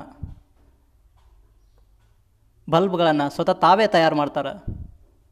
ತುಂಬ ಖುಷಿ ಅನಿಸುತ್ತದೆ ಯಾಕಂತಂದ್ರೆ ನಮ್ಮ ಊರಿನ ಒಬ್ಬ ಹುಡುಗ, ನಮ್ಮ ಊರಿನ ಒಬ್ಬ ಸರ್, ನಮ್ಮ ಊರಿನ ಒಬ್ಬ ಯುವಕ ಈ ಥರ ಸಾಧನೆ ಮಾಡ್ತಾರಂತಂದ್ರೆ ನಮಗೆಲ್ಲ ಖುಷಿ ವಿಚಾರ. ಅವರಿಗೆ ವಯಸ್ಸು ಕೂಡ ತುಂಬ ಇಲ್ಲ. ನಮ್ಮ ನಿಮ್ಮಗಿಂತಲೂ ಸ್ವಲ್ಪ ಹೆಚ್ಚಿಗಷ್ಟೇ ಇಪ್ಪತ್ತೈದು ವರ್ಷ. ಆದರೆ ಸಾಧನೆಯಲ್ಲಿ ತುಂಬ ಮುಂದಿದ್ದಾರೆ. ಯುವಕರಂತಂದಾಕ್ಷಣ ಎಷ್ಟೋ ಜನ ಹಾಳಾಗಿರೋದನ್ನು ನೋಡಿದ್ದೀವಿ ಎಷ್ಟೋ ಜನ ತಿಂದು ಕುಡಿದು ತಮ್ಮ ಮೋಜು ಮಸ್ತಿಯಲ್ಲಿರೋದನ್ನು ನೋಡಿದ್ದೀವಿ ಆದರೆ ಸಾಧನೆ ಅಂತ ಬಂದರೆ ಇಂಥ ಯುವಕರನ್ನು ನಾವು ಫಾಲೋ ಮಾಡಬೇಕಾಗಿದೆ. ಇಂಥ ಅಭ್ಯರ್ಥಿಗಳನ್ನು ನಾವು ಫಾಲೋ ಮಾಡಬೇಕಾಗಿದೆ. ಇಂಥ ಗುರುಗಳನ್ನು ನಾವು ಫಾಲೋ ಮಾಡಬೇಕಾಗಿದೆ. ಯಾಕೆಂತಂದರೆ ಜೀವನದಲ್ಲಿ ಯಶಸ್ಸು ಯಾವತ್ತೂ ಕೂಡ ಹಾಗೆ ಬರಲ್ಲ. ಅದಕ್ಕೆ ತುಂಬ ಎಫರ್ಟ್ ಹಾಕಬೇಕು. ಅಂಥ ಎಫರ್ಟ್ ಅಂಥ ಪ್ರತಿಫಲ ಇವರಿಗೆ ದೊರೀತಾ ಇದೆ. ಸ್ನೇಹಿತರೆ, ಒಬ್ಬ ದಿಗ್ಗಜರ ಭೇಟಿ ಸಾಮಾನ್ಯ ಅಲ್ಲ. ಆದರೆ ಎಲ್ಲ ದಿಗ್ಗಜರ ಜೊತೆ ಇವರಿದ್ದಾರೆ. ಎಷ್ಟೋ ಕಾರ್ಯಕ್ರಮಗಳನ್ನು ಕೊಡ್ತಾರೆ, ಎಷ್ಟೋ ಕಾರ್ಯಕ್ರಮಗಳಲ್ಲಿ ಆ್ಯಂಕರಿಂಗ್ ಮಾಡ್ತಾರೆ. ಪ್ರತಿ ಕ್ಷಣಗಳು ಕೂಡ ಖುಷಿಯಿಂದ ಜೀವನ ಮಾಡ್ತಾರೆ. ಯುವಕರಂದರೆ ತುಂಬ ಹುಚ್ಚು, ಚಿಕ್ಕ ಮಕ್ಕಳಂದರೆ ತುಂಬ ಹುಚ್ಚು. ಎಷ್ಟೋ ಜನ ಇವರು ದೊಡ್ಡವ್ರ ಥರ ದೊಡ್ಡ ವ್ಯಕ್ತಿಗಳ ಜೊತೆ ಇದ್ದರೂ ಕೂಡ ಚಿಕ್ಕ ಮಕ್ಕಳಂತಂದರೆ ತುಂಬ ಪ್ರೀತಿ. ಅವರ ಹೆಚ್ಚಿನ ಸಮಯವನ್ನು ಚಿಕ್ಕ ಮಕ್ಕಳ ಹತ್ರ, ಯುವಕರ ಹತ್ರ ಕಳೀತಾ ಇದ್ದಾರೆ. ಇವರು ಕವಿ ಸಂಗಮೇಶ್ವರ್ ಯುವ ಸೇವಾ ಸಮಿತಿಯ ಅಧ್ಯಕ್ಷರು ಕೂಡ ಹೌದು. ಸ್ನೇಹಿತರೆ, ಇನ್ನೊಂದು ವಿಶೇಷ ಏನಂತಂದರೆ ಯಾರು ಕೂಡ ಮಾಡದೇ ಇರುವಂಥ ಸಾಧನೆ ಮಾಡ್ತಾ ಇದ್ದಾನೆ. ಚಿಕ್ಕ ವಯಸ್ಸಿನಲ್ಲಿ ಮೊದಲ ಬಾರಿಗೆ ಪ್ರಶ್ನ, ಮೊದಲನೇ ಪ್ರಯತ್ನದಲ್ಲಿ ಕೂಡ ಚುನಾವಣೆ ಅಭ್ಯರ್ಥಿಯಾಗಿ ನಿಂತು ಗೆಲ್ತಾರೆ ಪಂಚಾಯಿತಿಯಲ್ಲಿ. ಹಾಗೆ ಅಂದುಕೊಂಡಿರುವಂಥ ಕಾರ್ಯಗಳನ್ನು ಕೂಡ ಮಾಡ್ತಾರೆ. ಯುವಕರಿಗೆ ಸಹಾಯ ಮಾಡ್ತಾರೆ. ಊರಿನ ಒಂದು ಪರಿಸ್ಥಿತಿಯನ್ನು ಅನುಭವಿಸಿ ಏನಾದರೂ ಹೆಲ್ಪ್ ಮಾಡಬೇಕು ಅನ್ನೋ ಇವರ ಮನದಾಳದ ಒಂದು ಮನಸ್ಥಿತಿಗೆ ನಾವು ನಮಸ್ಕಾರ ಮಾಡಲೇಬೇಕು. ಇಂಥ ಅಭ್ಯರ್ಥಿಗಳನ್ನು ಗೆಲ್ಲಿಸೋದ್ರಿಂದ ನಮ್ಮ ಊರು ಅಷ್ಟೇ ಅಲ್ಲದೆ ರಾಜ್ಯವು ಕೂಡ ಸುರಕ್ಷತೆ ಹೊಂದ್ಬೋದು. ಸ್ನೇಹಿತರೆ, ಇಂಥ ಸಾಧಕರನ್ನು ನಾವು ನೀವು ಕೂಡ ಹಾರೈಸೋಣ. ಇಂಥ ಒಂದು ಸಾಧಕರ ಒಂದು ಧ್ವನಿಯಲ್ಲಿ ಇನ್ನೂ ಹಾಡುಗಳನ್ನು ಕೇಳುವಂಥ ಚಿಕ್ಕ ಪ್ರಯತ್ನ ನಾವು ಕೂಡ ಮಾಡೋಣ. ಇವರ ಬತ್ತಳಿಕೆಯಲ್ಲಿರೋ ಬರೋವಂಥ ಹಾಡುಗಳನ್ನು ನಾವು ಆಲಿಸೋಣ. ಹಾಗೆಯೇ ಸಂಗೀತಗಾರರು ಕೂಡ ಹೌದು. ಸ್ನೇಹಿತರೆ, ನಮ್ಮ ಜೀವನದಾಗ ನಾವು ಅಂತಿರ್ತೀವಿ. ನಾನು ಏನಾದರೂ ಮಾಡ್ಬೇಕಂತ ಅಂದ್ಕೊಂಡೀನಿ ಬಟ್ ಸಪೋರ್ಟ್ ಮಾಡೋರು ಯಾರೂ ಇಲ್ಲ. ನನ್ನ ಬ್ಯಾಕ್ಗ್ರೌಂಡ್ ಚೆನ್ನಾಗಿಲ್ಲ. ಎನ್ಕರೇಜ್ ಮಾಡೋರು ಯಾರೂ ಇಲ್ಲ ಅಂತ. ಹೌದಿಲ್ಲ? ಆದ್ರೆ ನಮ್ಮ ಸುತ್ತಮುತ್ತ ಇರುವಂಥ ಸಾಧಕರಿಗೇನು ಕಡಿಮೆ ಇಲ್ಲ. ಸಾಧಕರು ತುಂಬ ಜನ ಅದಾರ. ಎಂಥ ಕಷ್ಟದಾಗ ಕೂಡ ಸಾಧನೆ ಮಾಡ್ಯಾರ. ಅಂಥ ಸಾಧಕರ ಕಥೆಯನ್ನು ನಾನು ಇವತ್ತು ಹೇಳಕ್ಕೆ ಬಂದಿದ್ದೇನೆ. ಅಲ್ಲಿ ಇಲ್ಲಿ ಅಂತಲ್ಲ ನಮ್ಮ ಊರ ಸಾಧಕರ ಬಗ್ಗೆ ಹೇಳಕತ್ತನ. ನಮ್ಮ ಊರು ಅಂತಂದ್ರೆ ಜಮಖಂಡಿ ತಾಲೂಕು ಸಿದ್ದಾಪುರ ಅನ್ನೋ ಒಂದು ಹಳ್ಳಿ. ಹಳ್ಳಿ ಆದರೂ ಕೂಡ ಯಾವುದಕ್ಕೂ ಕೂಡ ಕೊಂದು ಕೊರತೆ ಇಲ್ಲ. ತುಂಬ ಸುಂದರವಾದ ಹಳ್ಳಿ. ಆ ಹಳ್ಳಿಯಲ್ಲಿರುವಂಥ ಒಬ್ಬ ಪ್ರತಿಭೆ, ಒಬ್ಬ ಸಾಧಕನ ಬಗ್ಗೆ ನಾನು ಹೇಳಕತ್ತನ. ಈ ಸಾಧಕರು ಹೆಂಗಂತಂದ್ರೆ ವಯಸ್ಸು ಮಾತ್ರ ಚಿಕ್ಕದು ಅದರ ಸಾಧನೆಯಲ್ಲಿ ಇವರು ದೊಡ್ಡವರು. ತುಂಬ ಗೌರವದಿಂದ ಕಾಣ್ತೀವಿ ನಾವು ಇವ್ರನ್ನ ತುಂಬ ಖುಷಿ ಆಗ್ತದೆ ನಮ್ಮ ಊರಿನವ್ರು ಅಂತ ಹೇಳಕ್ಕೆ ಯಾಕಂತಂದ್ರೆ ಇವರ ವಯಸ್ಸಿನಾಗ ಎಲ್ಲರೂ ಕೂಡ ತಿಂದು ಮೋಜು ಮಸ್ತಿ ಮಾಡುವಂಥ ವಯಸ್ಸು, ಆದರೆ ಇವರು ಸಾಧನೆ ಮಾಡಾಕತ್ತಾರ. ಇನ್ನೊಬ್ಬರಿಗೆ ಸ್ಫೂರ್ತಿದಾಯಕ ಮಾತುಗಳನ್ನು ಹೇಳಕತ್ತಾರ. ಇನ್ನೊಬ್ಬರಿಗೆ ರೋಲ್ ಮಾಡಲಾಗಕತ್ತಾರ. ತುಂಬ ಖುಷಿ ಆಗ್ತದೆ. ಈ ವ್ಯಕ್ತಿ ಹೆಂಗಂತಂದ್ರೆ ಹುಟ್ಟಿದಾಗಿನಿಂದಲೂ ಕೂಡ ಸಂಗೀತದ ಮೇಲೆ ಭಾಳ ಪ್ರೀತಿ. ಬೆಳೀತಾ ಬೆಳೀತಾ ಏನಾದರೂ ಮಾಡಬೇಕಂತ ಅಂದ್ಕೊಂಡು ನಾಟಕಗಳನ್ನು ಮಾಡ್ತಾರೆ, ಹಾಡುಗಳನ್ನು ಹಾಡ್ತಾರೆ. ಹಾಗೆಯೇ ಬೆಂಗಳೂರು ಕೂಡ ಹೋಗ್ತಾರೆ, ಚಲನಚಿತ್ರದಲ್ಲಿ ನಟನೆ ಮಾಡಬೇಕಂತ. ಅಲ್ಲಿ ಎಸ್ ನಾರಾಯಣ್ ಹಾಗೂ ದಿಗ್ಗಜರ ಭೇಟಿ ಕೂಡ ಮಾಡ್ತಾರೆ. ಬಂದು ಏನಾದರೂ ಒಂದು ಮಾಡಬೇಕು ಅಂತ ಅಂದ್ಕೊಂಡು ಮೊಬೈಲ್ ಶಾಪನ್ನು ಹಾಕಿ ಜೀವನ ಮಾಡ್ತಾ ಇರ್ತಾರೆ. ಅಷ್ಟಲ್ಲದೆ ವಿದ್ಯಾರ್ಥಿಗಳಿಗೆ ಯೋಗ ಯೋಗಾಭ್ಯಾಸ ಹಾಗೂ ತಮ್ಮಲ್ಲಿರುವಂಥ ಜ್ಞಾನವನ್ನು ತಮ್ಮಲ್ಲಿರುವಂಥ ಒಂದು ಪ್ರೀತಿಯ ಭಕ್ತಳಿಕೆಯನ್ನು ಕೂಡ ಹೊರಗೆ ಹಾಕ್ತಾರೆ ತಮ್ಮ ಒಂದು ಮನದಾಳಲ್ಲಿರುವಂಥ ಮಾತುಗಳನ್ನು ಕೂಡ ವಿದ್ಯಾರ್ಥಿಗಳಿಗೆ ತುಂಬ್ತಾರೆ. ಸ್ಫೂರ್ತಿದಾಯಕ ಮಾತುಗಳನ್ನು ಕೂಡ ಹೇಳ್ತಾರೆ. ಹಾಗೆ ಬೆಳೀತಾ ಬೆಳೀತಾ ಎಷ್ಟೋ ಕಾರ್ಯಕ್ರಮಗಳನ್ನ ಕೊಡ್ತಾರೆ. ಟಿ ವಿ ಚಾನಲ್ಗಳು ಕೂಡ ಬರ್ತಾರೆ. ಅಕ್ಷರಮಾಲವನ್ನು ಕಾರ್ಯಕ್ರಮದಲ್ಲಿ ತಮ್ಮ ಹಾಡುಗಳನ್ನು ಕೂಡ ವ್ಯಕ್ತಪಡಿಸ್ತಾರೆ. ನೋಡಿ ಸ್ವಾಮಿ ವಿರೋಧ ಹೇಗೆ ಅನ್ನೋ ಕಾರ್ಯಕ್ರಮದಲ್ಲಿ ಕೂಡ ಬರ್ತಾರೆ. ತುಂಬ ಖುಷಿ ಆಗ್ತದಲ್ಲ? ನಮ್ಮ ಸುತ್ತಮುತ್ತಲಿರುವಂಥ, ನಮ್ಮ ಹತ್ತಿರದಲ್ಲಿರುವಂಥ ಒಬ್ಬ ವ್ಯಕ್ತಿ ಟಿ ವಿ ಚಾನಲ್ಗಳೊಳಗೆ ಬರ್ತಾನೆ, ನಮ್ಮ ಊರಿನ ಹೆಸರನ್ನು ತರ್ತಾನಂತಂದ್ರೆ ಎಷ್ಟೊಂದು ಖುಷಿ ಆಗ್ತದಲ್ಲ. ನಾವು ಮಾಡೋದಿಲ್ಲ ಬಿಡು ಸಾಧನೆ, ಇನ್ನೊಬ್ರು ಮಾಡಾಕತ್ತಾರಂತಂದ್ರೆ ಅವ್ರಿಗೆ ನಾವು ಸ್ಫೂರ್ತಿದಾಯಕ ಮಾತುಗಳನ್ನು ಹೇಳಬೇಕು ಎನ್ಕರೇಜ್ ಮಾಡಬೇಕಲ್ಲ, ಖುಷಿ ಪಡಬೇಕಲ್ಲ, ತುಂಬ ಖುಷಿ ಆಗ್ತದೆ. ಹಾಗೆಯೇ ಎಷ್ಟೋ ದೊಡ್ಡ ದೊಡ್ಡ ಕಾರ್ಯಕ್ರಮಗಳಿಗೆ ಆ್ಯಂಕ್ರಿಂಗ್ ಕೂಡ ಮಾಡ್ತಾರೆ. ಸುತ್ತಮುತ್ತ ಚಿರು ಪರಿಚಯವಾಗ್ತಾರೆ ಕಿರು ಪರಿಚಯವಾಗ್ತಾರೆ ಹಾಡುಗಳಲ್ಲಿ ತಮ್ಮ ಒಂದು ಧ್ಯಾನವನ್ನು ತುಂಬ್ತಾರೆ. ಅವಿಘ್ನ ರೆಕಾರ್ಡಿಂಗ್ ಸ್ಟುಡಿಯೋ ಅಂತ ಇನ್ನೊಂದು ಸ್ಟುಡಿಯೋವನ್ನು ತೆಗಿತಾರೆ. ಅದರಲ್ಲೂ ಕೂಡ ಹೆಚ್ಚಿನ ಒಂದು ಹಾಡುಗಳನ್ನು ಕೂಡ ಬರೀತಾರೆ. ಸ್ವತಃ ತಾವೇ ಹಾಡ್ತಾರೆ ಕೂಡ.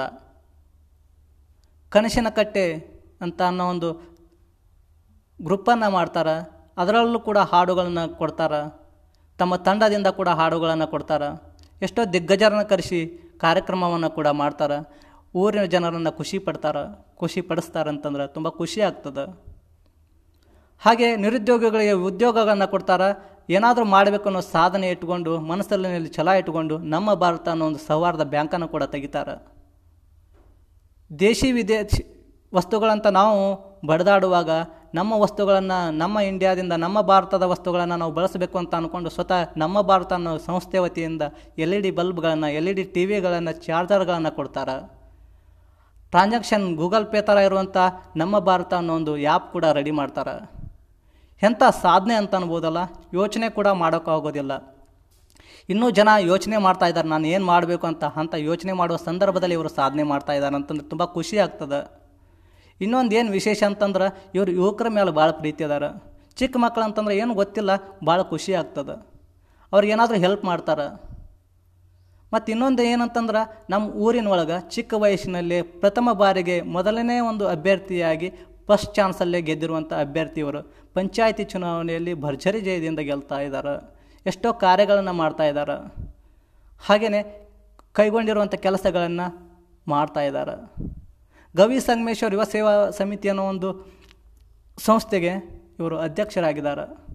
ಆ ಗುಡಿಯ ಕಟ್ಟಡವನ್ನು ಕೂಡ ಮಾಡ್ತೀನಿ ಅನ್ನೋ ಭರವಸೆಯನ್ನು ಕೊಡ್ತಾ ಇದ್ದಾರೆ. ಇಂಥ ವ್ಯಕ್ತಿ ನಮ್ಮ ಸುತ್ತಮುತ್ತ ಇದ್ದಾರೆ ಅಂತಂದ್ರೆ ನಮ್ಗೆ ಭಾಳ ಖುಷಿ ಆಗ್ತದೆ. ಅವರಿಂದ ಇನ್ನೂ ಕೂಡ ಒಳ್ಳೆಯ ಕೆಲಸಗಳು ಆಗಲಿ ಅಂತ ನಾವು ಕೂಡ ಹಾರೈಸ್ತೀವಿ. ನಾವು ಕೂಡ ಭರವಸೆಯನ್ನು ಇಡ್ತೀವಿ.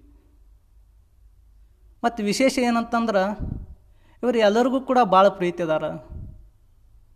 ಹಾಗೆಯೇ ಇವರ ಒಂದು ಮುಂದಿನ ಜೀವನ ಚೆನ್ನಾಗಿರಲಿ ಅಂತ ನಾವು ಕೂಡ ಭಾವಿಸ್ತೀವಿ. ಇವರ ಒಂದು ಧ್ವನಿಯಲ್ಲಿ ಇನ್ನೂ ಕೂಡ ಒಳ್ಳೆ ಒಳ್ಳೆ ಹಾಡುಗಳು ಬರಲಿ ಅಂತ ಭಾವಿಸ್ತೀವಿ. ಇವರು ಎತ್ತರಕ್ಕೆ ಬೆಳೆಯೋದೊಂದೇ ನಮ್ಮ ಭಾವನೆ. ಇವರ ಸಾಧನೆ ನಮ್ಮ ದೇಶದಾದ್ಯಂತ, ನಮ್ಮ ರಾಜ್ಯದಾದ್ಯಂತ ಹಬ್ಲಿ ಅಂತ ಹಾರೈಸ್ತಾ ಎರಡು ಮಾತುಗಳನ್ನು ಮುಗಿಸ್ತೀನಿ. ಏನಾದರೂ ತಪ್ಪಿದೆ ದಯವಿಟ್ಟು ಕ್ಷಮೆ ಇರಲಿ. ನಮಸ್ಕಾರ. ಆತ ಸಾವಿನ ಜೊತೆ ಆಟ ಆಡಿದ ವೀರ ಸೈನಿಕ. ಆತ ಭಾರತ ಮಾತೆಯ ಪರಮ ಪವಿತ್ರ ಪಾದಕಮಲಗಳಿಗೆ ರಕ್ತದ ದರ್ಪಣ ಮೂಡಲೆಂದೇ ಜನಿಸಿ ಬಂದ ವೀರ ಯೋಧ. ಅವನೇ ಕ್ಯಾಪ್ಟನ್ ಮನೋಜ್ ಕುಮಾರ್ ಪಾಂಡೆ. ಇಪ್ಪತ್ತೆರಡು ವರ್ಷದ ಅಪ್ರತಿಮ ಪರಾಕ್ರಮಿ, ಅಪ್ರತಿಮ ವೀರ. ನಮಸ್ಕಾರ ಸ್ನೇಹಿತರೆ, ನಾನು ಜಗದೀಶ್. ಇವತ್ತಿನ ವಿಶೇಷ ದಿನದಂದು ಒಬ್ಬ ಪರಾಕ್ರಮ ಕಿರಿಯ ಯೋಧನ ಬಗ್ಗೆ ನಾನು ಹೇಳ್ತಾ ಇದ್ದೀನಿ. ಆತ ಸೈನ್ಯಕ್ಕೆ ಸೇರಿದ ವಿಶೇಷ ರೋಚಕ ಕಥೆಯನ್ನು ನಾನು ನಿಮ್ಮ ಮುಂದೆ ಬಿಚ್ಚಿಡ್ತಾ ಇದ್ದೀನಿ. ಉತ್ತರ ಪ್ರದೇಶ ರಾಜ್ಯದ ಸೀತಾಪುರ್ ಜಿಲ್ಲೆಯ ಹೃದಯ ಎಂಬ ಒಂದು ಹಿಂದುಳಿದ ಹಳ್ಳಿಯಲ್ಲಿ ಕೋಪಿ ಚಂದ್ರ ಪಾಂಡೆ ಮತ್ತು ಮೋಹಿನಿ ಪಾಂಡೆ ಎಂಬ ದಂಪತಿಗಳಿಗೆ ವರವಾಗಿ ಬಂದವರೇ ನಮ್ಮ ಮನೋಜ್ ಕುಮಾರ್ ಪಾಂಡ್ಯ. ಲಕ್ನೌ ಸೈನಿಕ್ ಶಾಲೆಯಲ್ಲಿ ಶಿಕ್ಷಣವನ್ನು ಆರಂಭಿಸಿದ ಮನೋಜ್ ಕುಮಾರ್ ಅವರು ತನ್ನ ಸಣ್ಣ ವಯಸ್ಸಿನಲ್ಲಿಯೇ ದೇಶಾಭಿಮಾನವನ್ನು ಮೈಗೂಡಿಸಿಕೊಂಡವರು. ಮಾಧ್ಯಮ ಶಿಕ್ಷಣ ಮುಗಿಸಿದ ಬಳಿಕ ತಾಯಿ ಆಶೆಯಂತೆ ಪುಣೆಯ ಪ್ರತಿಷ್ಠಿತ ಇಂಜಿನಿಯರಿಂಗ್ ಕಾಲೇಜಿನಲ್ಲಿ ಸೇರಿಕೊಂಡು ಮನೋಜ್ ಕುಮಾರ್ ಅವರು ಬಿ ಇಂಜಿನಿಯರಿಂಗ್ ಪದವಿಯನ್ನು ದ್ವಿತೀಯ ರ್ಯಾಂಕ್ ಪಡೆಯುವುದರ ಮೂಲಕ ಮುಗಿಸ್ತಾರೆ. ತನ್ನ ಮಗನನ್ನು ಇನ್ನೇನು ಇಂಜಿನಿಯರಿಂಗ್ ಮಾಡೇ ಬಿಟ್ಟೆ ಅನ್ನುವ ಕನಸು ಈಡೇರು ಬಿಡ್ತು ಅಂತ ಅನ್ನುವಷ್ಟರಲ್ಲಿ ಆ ತಾಯಿ ಆಸೆಗೆ ಕೊಡಲಿ ಬಿತ್ತು. ತಂದೆ ತಾಯಿ ವಿರೋಧದ ನಡುವೆಯೂ ಮನೋಜ್ ಕುಮಾರ್ ತನ್ನ ಮುಂದಿನ ಆಯ್ಕೆ ಮಾಡಿಕೊಂಡಿದ್ದು ರಾಷ್ಟ್ರೀಯ ರಕ್ಷಣಾ ಅಕಾಡೆಮಿಯ ಸೈನಿಕ್ ಶಾಲೆಯನ್ನು. ಇದ್ದ ಒಬ್ಬ ಮಗನನ್ನು ಸೈನ್ಯಕ್ಕೆ ಕಳಿಸುವಂಥ ಮನಸ್ಸಾಗಲಿ, ಧೈರ್ಯವಾಗಲಿ ಆ ತಾಯಿಗೆ ಇರಲಿಲ್ಲ. ಕಣ್ಣಲ್ಲಿ ರಕ್ತ ಬರುವಷ್ಟು ಬಿಕ್ಕಿ ಬಿಕ್ಕಿ ಎತ್ತು ಬಿಡ್ತಾರೆ. ತನ್ನ ಅಂತಾರಾಷ್ಟ್ರೀಯ ಕಂಪನಿ ವ್ಯಾಪಾರನ ತನ್ನ ಪದವಿಯ ರ್ಯಾಂಕನ್ನು ತ್ಯಜಿಸಿ ಹೊರಡೋದು ಅಷ್ಟು ಸಾಮಾನ್ಯದ ಮಾತಲ್ಲ ಕಣ್ರಿ. ಅದಕ್ಕೂ ಒಂದು ಗುಂಡಿಗೆ ಹೇಳುವಂಥದ್ದು ಬೇಕಾಗಿರುತ್ತೆ. ಆ ಗುಂಡಿಗೆನ ಸಾಧಿಸಿಕೊಂಡವರು ನಮ್ಮ ಮನೋಜ್ ಕುಮಾರ್ ಪಾಂಡ್ಯ ಅವರು ಇಂಟರ್ವ್ಯೂನಲ್ಲಿ ಸ್ಯಾಲ್ರಿಯನ್ನು ಎಷ್ಟು ಎಕ್ಸ್ಪೆಕ್ಟ್ ಮಾಡ್ತೀರಾ ಅಂತ ಕೇಳಿದಾಗ ಮನೋಜ್ ಕುಮಾರ್ ಪಾಂಡೆ ಅವರು ಕೊಟ್ಟಂಥ ಉತ್ತರ ಏನು ಗೊತ್ತೇನು? ಕೇಳಿದರೆ ಮೈ ಕನಕನದಲ್ಲೂ ಕೂಡ ರೋಮಾಂಚನಗೊಂಡು ಬಿಡುತ್ತೆ ಅದೇನಂತಂದರೆ, ಸರ್, ನಾನು ಸಾವಿರ ಗಟ್ಟಲೆ ಸಂಭಾವನೆ ಕೊಡುವಂಥ ಖಾಸಗಿ ಕಂಪನಿಯನ್ನೇ ತ್ಯಜಿಸಿ ಬಂದಿದ್ದೇನೆ. ಯಾಕೆ ಅಂತಂದರೆ, ಕಂಪನಿಗಳು ನನಗೆ ಹಣ ಮಾತ್ರ ಕೊಡುತ್ತವೆ. ನನಗೆ ಬೇಕಾಗಿರೋದು ಈ ದೇಶದ ಕೊಡುವಂಥ ಪರಮೋನ್ನತ ಪ್ರಶಸ್ತಿ. ಅದೇನಪ್ಪ ಅಂತಂದರೆ, ಪರಮವೀರ ಚಕ್ರ ಪ್ರಶಸ್ತಿ. ಅದು ಯಾವ ಖಾಸಗಿ ಕಂಪನಿಗಳು ಕೂಡ ಕೊಡಮಾಡಲ್ಲ, ಕೊಡೋದಿಲ್ಲ. ಏನು ಕೊಡದೇ ಇದ್ದರೂ ಪರವಾಗಿಲ್ಲ, ದೇಶಕ್ಕೋಸ್ಕರ ಹೋರಾಡೋ ಒಂದು ಅವಕಾಶ ಮಾಡಿಕೊಡಿ ಸಾಕು, ಒಂದೇ ಒಂದು ಅವಕಾಶ ಮಾಡಿಕೊಡಿ ಸಾಕು ಅಂತ ತನ್ನ ಇಂಟರ್ವ್ಯೂನಲ್ಲಿ ಹೇಳಿದಾಗ ಸೇನಾ ಅಧಿಕಾರಿಗಳು ಮೂಕ ವಿಸ್ಮಿತರಾಗಿಬಿಡ್ತಾರೆ, ಮೂಕ ವಿಸ್ಮಿತರಾಗಿ ಹೋಗ್ತಾರೆ. ಅದೇನು ಶಕ್ತಿ, ಅದೇನು ಪ್ರೇಮ, ಅದೇನು ಭಕ್ತಿ, ಎಲ್ಲ ಪರೀಕ್ಷೆಗಳು ಕೂಡ ತೇರ್ಗಡೆಯಾಗಿ ಹತ್ತೊಂಬತ್ತು ನೂರ ತೊಂಬತ್ತೇಳರಲ್ಲಿ ಸೇನೆಗೆ ನೇಮಕಗೊಂಡ ಮನೋಜ್ ಕುಮಾರ್ ಅವರು ಅದೇ ವರ್ಷ ಗೋರ್ಖಾ ರೈಫಲ್ಸ್ನ ಮೊದಲ ವಾಹಿನಿಯ ಅಧಿಕಾರಿಯಾಗಿ ಕೂಡ ಸೇವೆ ಸಲ್ಲಿಸ್ತಾರೆ. ಮುಂದೆ ತಮ್ಮ ಒಂದು ಈ ಒಂದು ಅಧಿಕಾರವನ್ನು ವಹಿಸಿಕೊಂಡು ತಮ್ಮ ಜೀವನವನ್ನು ಉತ್ತಮಗೊಳಿಸಿ ಕಿರಿಯ ವಯಸ್ಸಿನಲ್ಲಿ ಪರಮವೀರ ಚಕ್ರ ಪ್ರಶಸ್ತಿಗೆ ಭಾಜನರು ಕೂಡ ಆಗ್ತಾರೆ. ಸ್ನೇಹಿತರೆ, ಈ ಜೀವನದಲ್ಲಿ ನಾವು ಎಷ್ಟೋ ಉದ್ಯೋಗಗಳನ್ನು ನೋಡ್ತೀವಿ, ಎಷ್ಟೋ ಸ್ಯಾಲ್ರಿಯನ್ನು ಎಕ್ಸೆಪ್ಟ್ ಮಾಡೋ ಮಂದಿನ ಕೂಡ ನೋಡ್ತೀವಿ. ಆದರೆ ಜೀವನದಲ್ಲಿ ಯಾವ ದುರುದ್ದೇಶಗಳು ಕೂಡ ಇರದೆ ತನ್ನ ಜೀವನವನ್ನು ಅರ್ಪಿಸಿ ಮಾಡುವಂಥ ಉದ್ಯೋಗ ಅಂತಂದರೆ ಅದು ಇಂಡಿಯನ್ ಆರ್ಮಿ ದೇಶವನ್ನು ಕಾಯುವಂಥ ಎಲ್ಲ ಯೋಧರಿಗೂ ಕೂಡ ನನ್ನ ಪ್ರೀತಿಯ ನಮನಗಳು. ಸ್ನೇಹಿತರೆ, ಇವತ್ತು Indians army day so happy Indians army day ಎಲ್ರಿಗೂ ಕೂಡ ಒಳ್ಳೆಯದಾಗಲಿ ನಮಸ್ಕಾರ. ಸ್ನೇಹಿತರೆ, ಇವತ್ತಿನ ಈ ಕತೆ ಎರಡು ಅರ್ಥವನ್ನು ಕೊಡ್ತಾ ಇದೆ ಜೀವನಕ್ಕೆ. ಅಂತಂದರೆ ಈ ಭೂಮಿ ಮೇಲೆ ಪ್ರೀತಿ, ಪ್ರೇಮ ಇಲ್ಲ. ಅದೆಲ್ಲ ಕೇವಲ ಮೋಸಕ್ಕೆ ಮಾತ್ರ ಅಂತ ಅಂದ್ಕೊಂಡಿರೋರಿಗೆ ಈ ಒಂದು ಕತೆ ಅರ್ಥವಾಗುವುದು ಅಂತ ಅನ್ಕೋತೀನಿ. ಆ ವ್ಯಕ್ತಿ ಪ್ರೀತಿಗೆ ಕೊಡ್ತಾ ಇರುವಂಥ ಬೆಲೆ ಪ್ರಾಮುಖ್ಯತೆಯನ್ನು ನೀವು ಅರಿಬಹುದು. ಅದೇ ಥರ ಸೋಲು ಬಂದಾಗ ನನಗೆ ಸಾವೇ ಗತಿ ಅಂತ ಸಾವಿನಂಚೆಗೆ ಹೋಗ್ತಾ ಇರುವಂಥ ವ್ಯಕ್ತಿಗಳಿಗೆ ಈ ಒಂದು ಕತೆ ಸಂದೇಶವಾಗ್ಬೋದು. ಸೋತು ಗೆದ್ದಿರುವಂಥ ವ್ಯಕ್ತಿಯ ಕಥೆಯನ್ನು ನಾನು ಹೇಳ್ತಾ ಇದ್ದೀನಿ. ಸ್ನೇಹಿತರೆ, ನಮಸ್ಕಾರ. ನಾನು ಜಗದೀಶ್. ಇಪ್ಪತ್ತಾರು ವರ್ಷದ ಒಬ್ಬ ಯುವಕ ಅವರ ಹೆಸರು ದಶರಥ್ ಮಾಂಜೆ. ಈ ಕಥೆಯನ್ನು ನೀವು ಕೇಳಿರ್ತೀರಾ, ಓದಿರ್ತೀರಾ? ಆದರೆ ಅದೇ ಕಥೆಯನ್ನು ನಾನು ರೋಚಕವಾಗಿ ಹೇಳಕ್ಕೆ ಇಷ್ಟಪಡ್ತಾ ಇದ್ದೀನಿ ಅಷ್ಟೇ. ಹತ್ತೊಂಬತ್ತು ನೂರ ಮೂವತ್ತ್ನಾಲ್ಕರಲ್ಲಿ ಭಾರತ ದೇಶದ ಬಿಹಾರ್ ರಾಷ್ಟ್ರದ ಒಂದು ಬಡ ಕುಟುಂಬದಲ್ಲಿ ಹುಡ್ತಾರೆ ಅವರು ಎಂಥ ಊರಲ್ಲಿ ಹುಡ್ತಾರಂತಂದರೆ ಒಂದು ಸಣ್ಣ ಊರು. ಅಲ್ಲಿ ಕುಡಿಯೋದಕ್ಕೂ ನೀರು ಕೂಡ ಇಲ್ಲ. ಬೇಕು ಅಂತಂದರೆ ಐದು ಕಿಲೋಮೀಟರ್ ದೂರ ಹೋಗಬೇಕು. ಒಂದು ವೇಳೆ ಆಸ್ಪತ್ರೆಗೆ ಹೋಗಬೇಕು ಅಂತಂದರೆ ಊರು ದಾಟಿ ಹೋಗಬೇಕು. ಊರು ದಾಟಿ ಹೋಗಬೇಕು ಅಂತಂದರೆ ಆ ಊರಿಗೆ ಅಡ್ಡಲಾಗಿ ಬೆಟ್ಟವನ್ನು ದಾಟಬೇಕು. ಇಲ್ಲವಾದರೆ ಆ ಬೆಟ್ಟದಲ್ಲಿರುವ ಪಕ್ಕದ ದಾರಿಯಲ್ಲಿ ಹೋಗಬೇಕು. ಆ ರೀತಿ ಪಕ್ಕದ ದಾರಿಯಲ್ಲಿ ಹೋಗಬೇಕು ಅಂತಂದರೆ ಎಪ್ಪತ್ತು ಕಿಲೋಮೀಟರ್ ದೂರ ಹೋಗಬೇಕು. ಒಂದು ದಿನ ದಶರಥ್ ಮಾಜೆ ಕೂಲಿ ಕೆಲಸ ಮಾಡಲಿಕ್ಕೆ ಹೋಗ್ತಾನೆ. ಮನೆಯಲ್ಲಿ ಹೆಂಡತಿ ಗರ್ಭಿಣಿಯಾಗ್ತಾಳೆ ಮಧ್ಯಾಹ್ನದ ಸಮಯ ಗಂಡನಿಗೆ ಊಟ ತಗೊಂಡು ಹೋಗಬೇಕು ಅಂತ ಅಡುಗೆ ರೆಡಿ ಮಾಡಿ ಗಂಡನಿಗೋಸ್ಕರ ತಗೊಂಡು ಹೋಗ್ತಾಳೆ. ತೆಗೆದುಕೊಂಡು ಹೋಗುವ ಸಮಯದಲ್ಲಿ ಕಲ್ಲು ಮೇಲೆ ಕಾಲಿಟ್ಟು ಜಾರಿ ಬಿದ್ದು ಹೋಗ್ತಾಳೆ ಆ ಸಮಯದಲ್ಲಿ ಆಕೆಗೆ ಹೊಟ್ಟೆ ನೋವು ಸ್ಟಾರ್ಟ್ ಆಗಿಬಿಡುತ್ತೆ. ಆ ವಿಷಯ ಗಂಡನಿಗೆ ಗೊತ್ತಾಗತ್ತೆ. ಓಡೋಡಿ ಬರ್ತಾನೆ, ಆದರೆ ಆ ಊರಿನಲ್ಲಿ ಆಸ್ಪತ್ರೆ ವ್ಯವಸ್ಥೆ ಇರೋದಿಲ್ಲ. ಆಗ ಗಂಡ ಆಕೆಯನ್ನು ಎತ್ತಿಕೊಂಡು ಆಸ್ಪತ್ರೆಗೆ ಹೋಗಬೇಕು ಅಂತ ಹೊರಡ್ತಾನೆ. ಆ ಆಸ್ಪತ್ರೆಗೆ ಹೋಗಬೇಕು ಅಂತಂದರೆ ಬೆಟ್ಟ ಹತ್ತಿಳಿಬೇಕು ಇಲ್ಲ ಬೆಟ್ಟ ಸುತ್ತಕೊಂಡು ಹೋಗಬೇಕು, ಅಂದರೆ ಎಪ್ಪತ್ತು ಕಿಲೋಮೀಟರ್ ದೂರ ಹೋಗಬೇಕು. ಇಲ್ಲಿಗೆ ಆಕೆಗೆ ಹೊಟ್ಟೆ ನೋವು ಜಾಸ್ತಿ ಆಗುತ್ತೆ. ಆಗ ಅವಸರದಿಂದ ಬೆಟ್ಟ ಹತ್ತೋದಕ್ಕೆ ಸ್ಟಾರ್ಟ್ ಮಾಡ್ತಾನೆ. ಅವಸರದಿಂದ ಓಡ್ತಾನೆ. ಆದರೆ ಮಧ್ಯದಲ್ಲಿ ಹೆಂಡತಿ ಸತ್ತೋಗ್ತಾಳೆ ಎಷ್ಟೋ ಪ್ರೀತಿಯಿಂದ ನೋಡಿಕೊಳ್ಳುತ್ತಿದ್ದ ಹೆಂಡತಿ ಸತ್ತೋಗ್ತಾಳೆ ಆ ಸಂಕಟದಲ್ಲಿ ಇರ್ತಾನೆ. ಏನು ಮಾಡಬೇಕು ಅಂತಾನೆ ಅರ್ಥ ಆಗದೆ ಕೂತಿರ್ತಾನೆ. ಒಂದು ದಿನ ಕಳೆಯುತ್ತೆ, ಎರಡು ದಿನ ಕಳೆಯುತ್ತೆ, ವಾರ ಕಳೆದು ಹೋಗುತ್ತೆ. ಅನಂತರ ಒಂದು ಆಲೋಚನೆ ಬರುತ್ತೆ. ಅವನ ಕಣ್ಣು ಆ ಬೆಟ್ಟದ ಮೇಲೆ ಬೀಳುತ್ತೆ. ಆ ಬೆಟ್ಟ ಅಡ್ಡವಾಗಿರುವ ದಿಂದಲೇ ನನ್ನ ಹೆಂಡತಿ ತೀರಿಕೊಂಡಿದ್ದಳು ಅನ್ನೋ ಸತ್ಯವನ್ನು ಅರಿತಾನೆ. ಆ ಬೆಟ್ಟವನ್ನು ಶೀಳಿ ಬಿಡ್ತೀನಿ ಅಂತ ಸುತ್ತಿಗೆ ಮತ್ತು ಉಳಿಯನ್ನು ತೆಗೆದುಕೊಂಡು ಹೋಗ್ತಾನೆ. ಆ ಬೆಟ್ಟವನ್ನು ಒಡೆಯೋದಕ್ಕೆ ಸ್ಟಾರ್ಟ್ ಮಾಡ್ತಾನೆ. ಸ್ನೇಹಿತರು ಬರ್ತಾರೆ, ಬೇಡ ಅಂತ ಬುದ್ಧಿ ಹೇಳ್ತಾರೆ. ಕೇಳೋದಿಲ್ಲ. ಬಂಧುಗಳ ಮಾತು ಕೇಳೋದಿಲ್ಲ. ಹಾಗೆ ಊರಿನ ಜನರ ಮಾತು ಸಹ ಕೇಳೋದಿಲ್ಲ. ಯಾರು ಮಾತನ್ನು ಕೇಳದೆ ಬೆಟ್ಟವನ್ನು ಒಡೆಯಲು ಮುಂದುವರಿಸ್ತಾನೆ. ಆ ಬೆಟ್ಟದ ಹತ್ರನೇ ಇರ್ತಾನೆ. ಮಳೆ, ಗಾಳಿ, ಬಿಸಿಲು, ಚಳಿ ಇವು ಯಾವುದನ್ನು ಲೆಕ್ಕಿಸದೆ ಬೆಟ್ಟ ಒಡೆಯುವುದನ್ನೇ ಮುಂದುವರಿಸ್ತಾನೆ. ಬೆಟ್ಟವನ್ನು ಸೀಳೋದೇ ನನ್ನ ಗುರಿ ಅಂತ ತಿಳಿದು ಕೆಲಸವನ್ನು ಮುಂದುವರಿಸ್ತಾನೆ. ಇಪ್ಪತ್ತಾರನೇ ವಯಸ್ಸಿನಲ್ಲಿ ಪ್ರಾರಂಭ ಮಾಡ್ತಾನೆ. ಕೊನೆಗೆ ನಲವತ್ತೆಂಟು ವರ್ಷ ವಯಸ್ಸಾಗತ್ತೆ. ಇಪ್ಪತ್ತೆರಡು ವರ್ಷಗಳ ಕಾಲ ಕಷ್ಟಪಟ್ಟು ಆ ಬೆಟ್ಟವನ್ನು ಸೀಳಿಬಿಡ್ತಾನೆ. ತನ್ನ ಗುರಿಯನ್ನು ತಲುಪೋದಕ್ಕೆ ಇಪ್ಪತ್ತೆರಡು ವರ್ಷಗಳ ಕಾಲ ಕಷ್ಟಪಟ್ಟು ಅವರು ಅಂದುಕೊಂಡಿದ್ದನ್ನು ಸಾಧನೆ ಮಾಡಿಬಿಡ್ತಾರೆ. ಇದನ್ನು ಬಿಹಾರ್ ಸರ್ಕಾರ ಗುರುತಿಸತ್ತೆ. ಅಲ್ಲಿ ರೋಡ್ ಮಾಡಿಸಿ ಅದಕ್ಕೆ ದಶರಥ್ ಮಾಂಜಿ ಅಂತ ಹೆಸರಿಡ್ತಾರೆ. ಅಷ್ಟೇ ಅಲ್ಲ, ಆ ಊರಿಗೆ ದೊಡ್ಡ ಆಸ್ಪತ್ರೆಯನ್ನು ಕೂಡ ಕಟ್ಟಿಸ್ತಾರೆ, ಶಾಲೆಯನ್ನು ಕೂಡ ಕಟ್ಟಿಸ್ತಾರೆ. ಎಲ್ಲದಕ್ಕೂ ದಶರಥ್ ಮಾಂಜೆ ಅಂತ ಹೆಸರಿಡ್ತಾರೆ. ಗೆಲುವಿನಲ್ಲಿ ಇರದೇ ಇರುವಂಥ ಲಾಭಗಳು ಸೋಲಿನಲ್ಲಿವೆ. ಇದು ಕಲಿಯುವವರಿಗೆ ಮಾತ್ರನೇ. ಸೋತ ಮೇಲೆ ಸೋತಿದ್ದೇವೆ ಅಂತ ನಿರ್ಧಾರ ತೆಗೆದುಕೊಂಡು ತಪ್ಪು ನಿರ್ಧಾರಗಳನ್ನು ತೆಗೆದುಕೊಳ್ಬಾರ್ದು. ಸೋಲು ಇರದೇ ಇರುವವರು ಯಾರೂ ಇಲ್ಲ ಈ ಪ್ರಪಂಚದಲ್ಲಿ. ಸೋಲು ಗೆಲುವು ಅನ್ನೋದು ರಾತ್ರಿ ಇದ್ದ ಹಾಗೆ. ರಾತ್ರಿ ಕಳೆದ ಮೇಲೆ ಹಗಲು ಹೇಗೆ ಬರುತ್ತೋ ಸೋಲು ಬಂದ ಮೇಲೆ ಗೆಲುವು ಬಂದೇ ಬರುತ್ತೆ ಅನ್ನೋ ನಂಬಿಕೆಯಲ್ಲಿರಬೇಕಷ್ಟೇ. ಸ್ನೇಹಿತರೆ, ಜೀವನದಲ್ಲಿ ಏನೇ ಆಗಲಿ, ಸೋಲಾಗಲಿ, ಗೆಲುವಾಗಲಿ, ಆದರೆ ನಿಮ್ಮ ನಿರ್ಧಾರಗಳು ಕೂಡ ತುಂಬ ಮುಖ್ಯವಾಗುತ್ತೆ. ನಿಮ್ಮ ಕುಟುಂಬಕ್ಕೆ ನೀವೇ ಆಸ್ತಿ. ಹಾಗಾಗಿ ನಿಮ್ಮ ನಿರ್ಧಾರಗಳು ನಿಮ್ಮ ಕೈಯಲ್ಲಿವೆ. ಒಳ್ಳೆಯ ನಿರ್ಧಾರಗಳನ್ನು ತೆಗೆದುಕೊಂಡು ದೇಶಕ್ಕೆ, ನಾಡಿಗೆ ಒಳ್ಳೆಯ ಪ್ರಜೆಗಳಾಗಿ ಅಂತ ಹೇಳ್ತಾ ನನ್ನ ಮಾತನ್ನು ಮುಗಿಸ್ತಾ ಇದ್ದೀನಿ. ನಮಸ್ಕಾರ. ಎಲ್ಲರೂ ಕೂಡ ಒಳ್ಳೆಯದಾಗಲಿ. ಸ್ನೇಹಿತರೆ, ಈ ಕತೆ ಜೀವನಕ್ಕೆ ಎರಡು ಅರ್ಥವನ್ನ ಕಲಿಸ್ತಾ ಇದೆ. ಈ ಭೂಮಿ ಮೇಲೆ ಪ್ರೀತಿ ಅಂತಂದ್ರೆ ಸುಳ್ಳು ಅಂತ ಅನ್ಕೋತೀವಿ, ಮೋಸ ಅಂತ ಅನ್ಕೋತೀವಿ, ಆದರೆ ಈ ವ್ಯಕ್ತಿ ಅದನ್ನ ತಪ್ಪು ಅಂತ, ಸುಳ್ಳು ಅಂತ ರುಜು ಮಾಡ್ತಾ ಇದ್ದಾನೆ.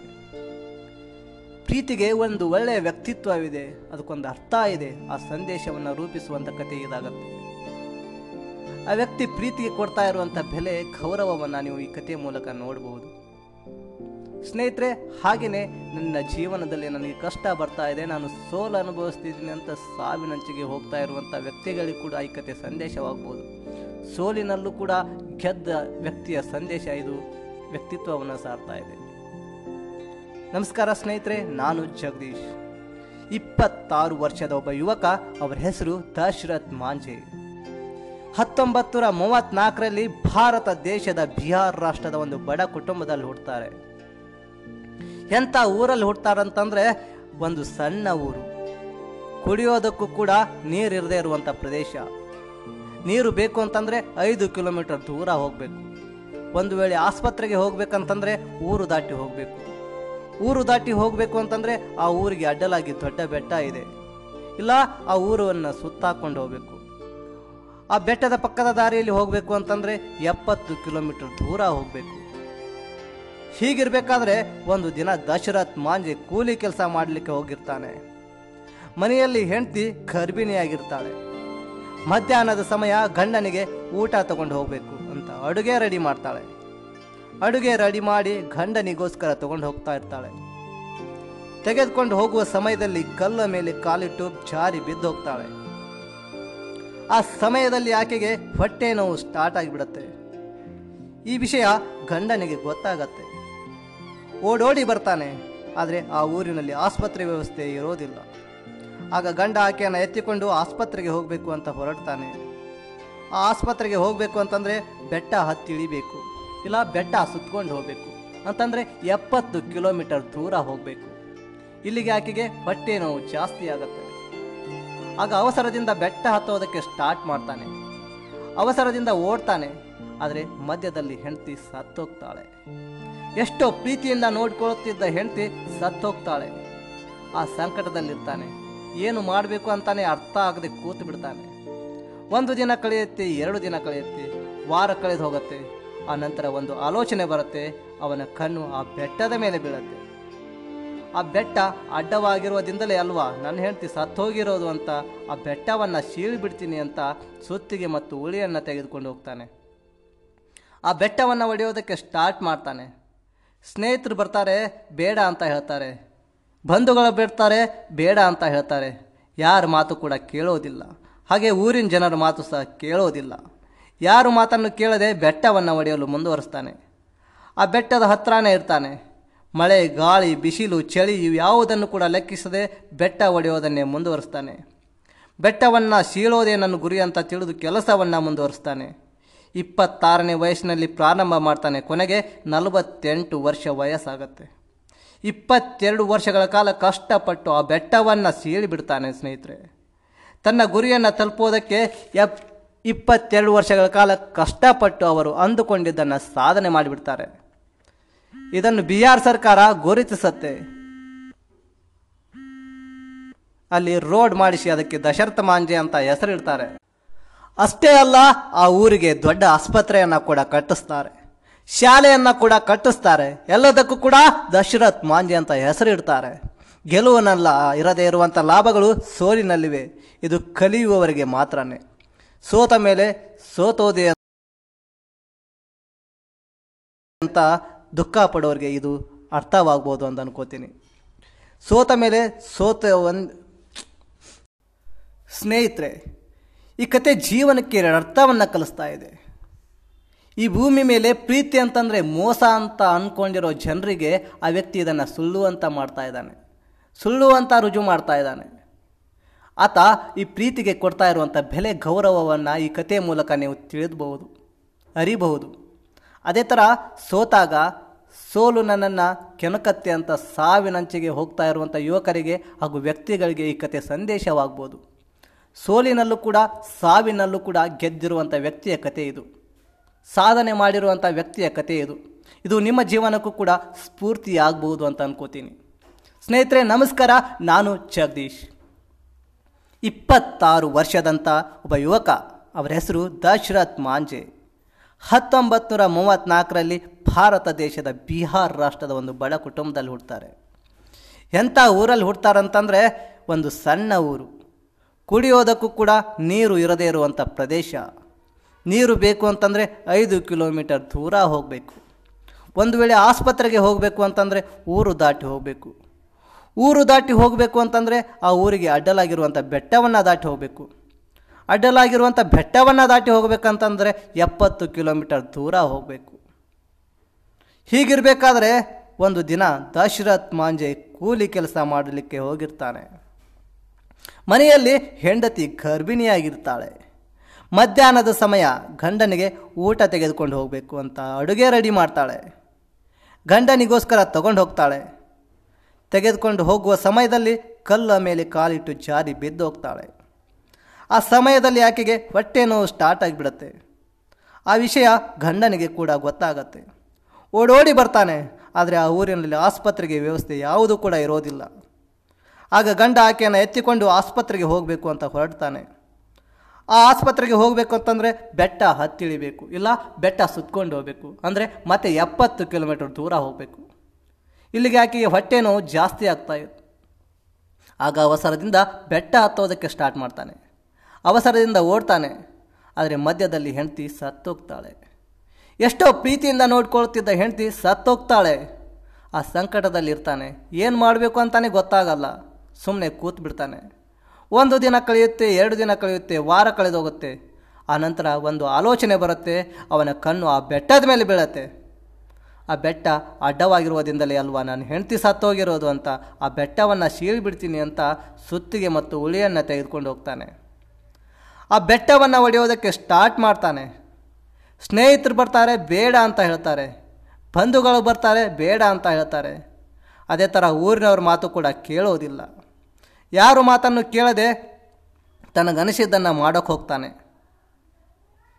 ಬೆಟ್ಟವನ್ನು ಒಡೆಯಲು ಮುಂದುವರಿಸ್ತಾನೆ. ಆ ಬೆಟ್ಟದ ಹತ್ರನೇ ಇರ್ತಾನೆ. ಮಳೆ, ಗಾಳಿ, ಬಿಸಿಲು, ಚಳಿ ಯಾವುದನ್ನು ಕೂಡ ಲೆಕ್ಕಿಸದೆ ಬೆಟ್ಟ ಒಡೆಯೋದನ್ನೇ ಮುಂದುವರಿಸ್ತಾನೆ. ಬೆಟ್ಟವನ್ನು ಸೀಳೋದೇ ನನ್ನ ಗುರಿ ಅಂತ ತಿಳ್ಕೊಂಡು ಕೆಲಸವನ್ನು ಮುಂದುವರಿಸ್ತಾನೆ. ಇಪ್ಪತ್ತಾರನೇ ವಯಸ್ಸಿನಲ್ಲಿ ಪ್ರಾರಂಭ ಮಾಡ್ತಾನೆ. ಕೊನೆಗೆ ನಲವತ್ತೆಂಟು ವರ್ಷ ವಯಸ್ಸಾಗ ಇಪ್ಪತ್ತೆರಡು ವರ್ಷಗಳ ಕಾಲ ಕಷ್ಟಪಟ್ಟು ಆ ಬೆಟ್ಟವನ್ನು ಸೀಳ್ಬಿಡ್ತಾನೆ. ತನ್ನ ಗುರಿಯನ್ನು ತಲುಪೋದಕ್ಕೆ ಇಪ್ಪತ್ತೆರಡು ವರ್ಷಗಳ ಕಾಲ ಕಷ್ಟಪಟ್ಟು ಅವರು ಅಂದುಕೊಂಡಿದ್ದನ್ನು ಸಾಧನೆ ಮಾಡಿಬಿಡ್ತಾರೆ. ಇದನ್ನು ಬಿಹಾರ್ ಸರ್ಕಾರ ಗುರುತಿಸಿ, ಅಲ್ಲಿ ರೋಡ್ ಮಾಡಿಸಿ, ಅದಕ್ಕೆ ದಶರಥ್ ಮಾಂಜಿ ಅಂತ ಹೆಸರಿಡ್ತಾರೆ. ಅಷ್ಟೇ ಅಲ್ಲ, ಆ ಊರಿಗೆ ದೊಡ್ಡ ಆಸ್ಪತ್ರೆಯನ್ನು ಕೂಡ ಕಟ್ಟಿಸ್ತಾರೆ. ಶಾಲೆಯನ್ನು ಕೂಡ ಕಟ್ಟಿಸ್ತಾರೆ. ಎಲ್ಲದಕ್ಕೂ ದಶರಥ್ ಮಾಂಜಿ ಅಂತ ಹೆಸರಿಡ್ತಾರೆ. ಗೆಲುವಿನಲ್ಲಿ ಇರದೇ ಇರುವಂಥ ಲಾಭಗಳು ಸೋಲಿನಲ್ಲಿವೆ ಎಂದು ಇದನ್ನು ನೋಡಿ ಕಲಿಯಬಹುದು. ಇದು ಕಲಿಯುವವರಿಗೆ ಮಾತ್ರನೇ. ಸೋತ ಮೇಲೆ ಸೋತಿದ್ದೇವೆ ಎಂದು ನಿರ್ಧಾರ ತೆಗೆದು ತಪ್ಪು. ಸೋಲು ಇರದೇ ಇರುವವರು ಯಾರೂ ಕೂಡ ಇಲ್ಲ ಈ ಪ್ರಪಂಚದಲ್ಲಿ. ಸೋಲು ಗೆಲುವು ಅನ್ನೋದು ರಾತ್ರಿ ಇದ್ದ ಹಾಗೆ. ರಾತ್ರಿ ಕಳೆದ ಮೇಲೆ ಹಗಲು ಹೇಗೆ ಬರುತ್ತೋ ಸೋಲು ಬಂದ ಮೇಲೆ ಗೆಲುವು ಹಾಗೇ ಬರುತ್ತೆ. ಸ್ನೇಹಿತರೆ, ಜೀವನದಲ್ಲಿ ಯಾವ ನಿರ್ಧಾರಗಳು ಕೂಡ ನಿಮ್ಮನ್ನು, ನಿಮ್ಮ ಕುಟುಂಬವನ್ನು ಹಾಳು ಮಾಡಬಾರ್ದು. ನಿಮ್ಮ ಒಂದು ನಿರ್ಧಾರ ನಿಮ್ಮ ಕುಟುಂಬವನ್ನು ರಕ್ಷಣೆ ಮಾಡಬೇಕಷ್ಟೇ. ನೀವು ತೆಗೆದುಕೊಂಡ ನಿರ್ಧಾರಗಳು ಈ ಒಂದು ಜೀವನಕ್ಕೆ, ಈ ಒಂದು ಭೂಮಿಗೆ, ಈ ಒಂದು ದೇಶಕ್ಕೆ ಹಿತವಾಗಿರಬೇಕಷ್ಟೇ. ಸ್ನೇಹಿತರೆ, ಎಲ್ಲರೂ ಕೂಡ ಚೆನ್ನಾಗಿರಿ, ಒಳ್ಳೆಯದಾಗಲಿ. ನಮಸ್ಕಾರ. ಸ್ನೇಹಿತರೆ, ಪ್ರೀತಿ ಅಂತ ಬಂದರೆ ಎಲ್ಲರೂ ಕೂಡ ಮೈ ಮರೆತೋಗ್ತೀವಿ ಹೌದಲ್ವಾ? ಯಾಕೆಂತಂದರೆ ಪ್ರೀತಿಗೆ ಅಂಥ ಶಕ್ತಿ ಇದೆ, ಪ್ರೀತಿಗೆ ಅಂಥ ಬಾಂಧವ್ಯ ಇದೆ. ಇವತ್ತು ನಿನ್ನೆಯಿಂದಲ್ಲ, ಮೊದಲಿಂದಲೂ ಕೂಡ ಪ್ರೀತಿಗೆ ಅದರದ್ದೇ ಆದ ಅರ್ಥವನ್ನು ಹೊಂತಾ ಇದೆ. ರಾಮಾಯಣದಲ್ಲಿ ನೀವು ನೋಡ್ತಾ ಇದ್ದೀರಾ ಸೀತೆ ಮೇಲೆ ರಾಮ ಇರುವಂಥ ಪ್ರೀತಿ. ಮಹಾಭಾರತದಲ್ಲಿ ನೋಡ್ತಾ ಇದ್ದೀರಾ, ಪಂಚಪಾಂಡವರು ದ್ರೌಪದಿ ಮೇಲೆ ಇರುವಂಥ ಪ್ರೀತಿ. ಅದೇ ಥರ ಕಲಿಯುಗದಲ್ಲಿ ಕೂಡ ಎಷ್ಟೋ ಜನ ಪ್ರೇಮಿಗಳನ್ನು ನೀವು ನೋಡ್ತಾ ಇದ್ದೀರ. ಪ್ರೀತಿಗಾಗಿ ಎಷ್ಟೋ ಜನ ಪ್ರಾಣವನ್ನು ಕೊಡ್ತಾ ಇದ್ದಾರೆ. ಎಷ್ಟೋ ಕೊಡುಗೆಗಳನ್ನು ಕೊಡ್ತಾ ಇದ್ದಾರೆ. ಅದೇ ಥರ ಶಹಜಾನ್ ಆತನ ಪ್ರೀತಿಯನ್ನು ನೀವು ಕೂಡ ನೋಡಿದ್ದೀರ. ತಾಜ್ ಮಹಲ್ ಸಂಕೇತ. ಅದೇ ಥರ ಎಷ್ಟೋ ಕಥೆಗಳನ್ನು ನಾವು ಕೇಳಿದ್ದೀವಿ, ನೋಡಿದ್ದೀವಿ. ಆದರೆ ಇಲ್ಲೊಬ್ಬ ವ್ಯಕ್ತಿ ತನ್ನ ಹೆಂಡತಿಯ ಮೇಲಿನ ಪ್ರೀತಿಯನ್ನು ಯಾವ ಥರ ವ್ಯಕ್ತಪಡಿಸ್ತಾ ಇದ್ದಾನಂತಂದರೆ, ಆ ಹೆಂಡತಿಯ ಸಾವಿಗೆ ಕಾರಣವಾಗುವಂಥ ಬೆಟ್ಟವನ್ನು ಸೀಳೋದರ ಮೂಲಕ ಒಡೆಯೋದರ ಮೂಲಕ ತನ್ನ ಪ್ರೀತಿಯನ್ನು ವ್ಯಕ್ತಪಡಿಸ್ತಾ ಇದ್ದಾನೆ. ಜನರಿಗೆ ಅನುಕೂಲ ಮಾಡ್ತಾ ಇದ್ದಾನೆ. ಆ ಕಥೆಯನ್ನು ನಾವು ಕೇಳ್ಕೊಂಡು ಬರೋಣ. ಬನ್ನಿ. ಇಪ್ಪತ್ತಾರು ವರ್ಷದ ಒಬ್ಬ ಯುವಕ, ಅವರ ಹೆಸರು ದಶರಥ್ ಮಾಂಜೆ ಹತ್ತೊಂಬತ್ತು ನೂರ ಮೂವತ್ತ್ನಾಲ್ಕರಲ್ಲಿ ಭಾರತ ದೇಶದ ಬಿಹಾರ್ ರಾಷ್ಟ್ರದ ಒಂದು ಬಡ ಕುಟುಂಬದಲ್ಲಿ ಹುಡ್ತಾರೆ ಎಂಥ ಊರಲ್ಲಿ ಹುಡ್ತಾರಂತಂದರೆ ಒಂದು ಸಣ್ಣ ಊರು ಅಲ್ಲಿ ಕುಡಿಯೋದಕ್ಕೂ ಕೂಡ ನೀರಿಲ್ಲ. ನೀರು ಬೇಕು ಅಂತಂದರೆ ಐದು ಕಿಲೋಮೀಟರ್ ದೂರ ಹೋಗಬೇಕು. ಒಂದು ವೇಳೆ ಆಸ್ಪತ್ರೆಗೆ ಹೋಗಬೇಕಂತಂದರೆ ಊರು ದಾಟಿ ಹೋಗಬೇಕು. ಊರು ದಾಟಿ ಹೋಗಬೇಕು ಅಂತಂದರೆ ಆ ಊರಿಗೆ ಅಡ್ಡಲಾಗಿ ದೊಡ್ಡ ಬೆಟ್ಟ ಇದೆ. ಅದನ್ನು ಸುತ್ತಿ ಹೋಗಬೇಕು, ಇಲ್ಲ ಹತ್ತಿ ಹೋಗಬೇಕು.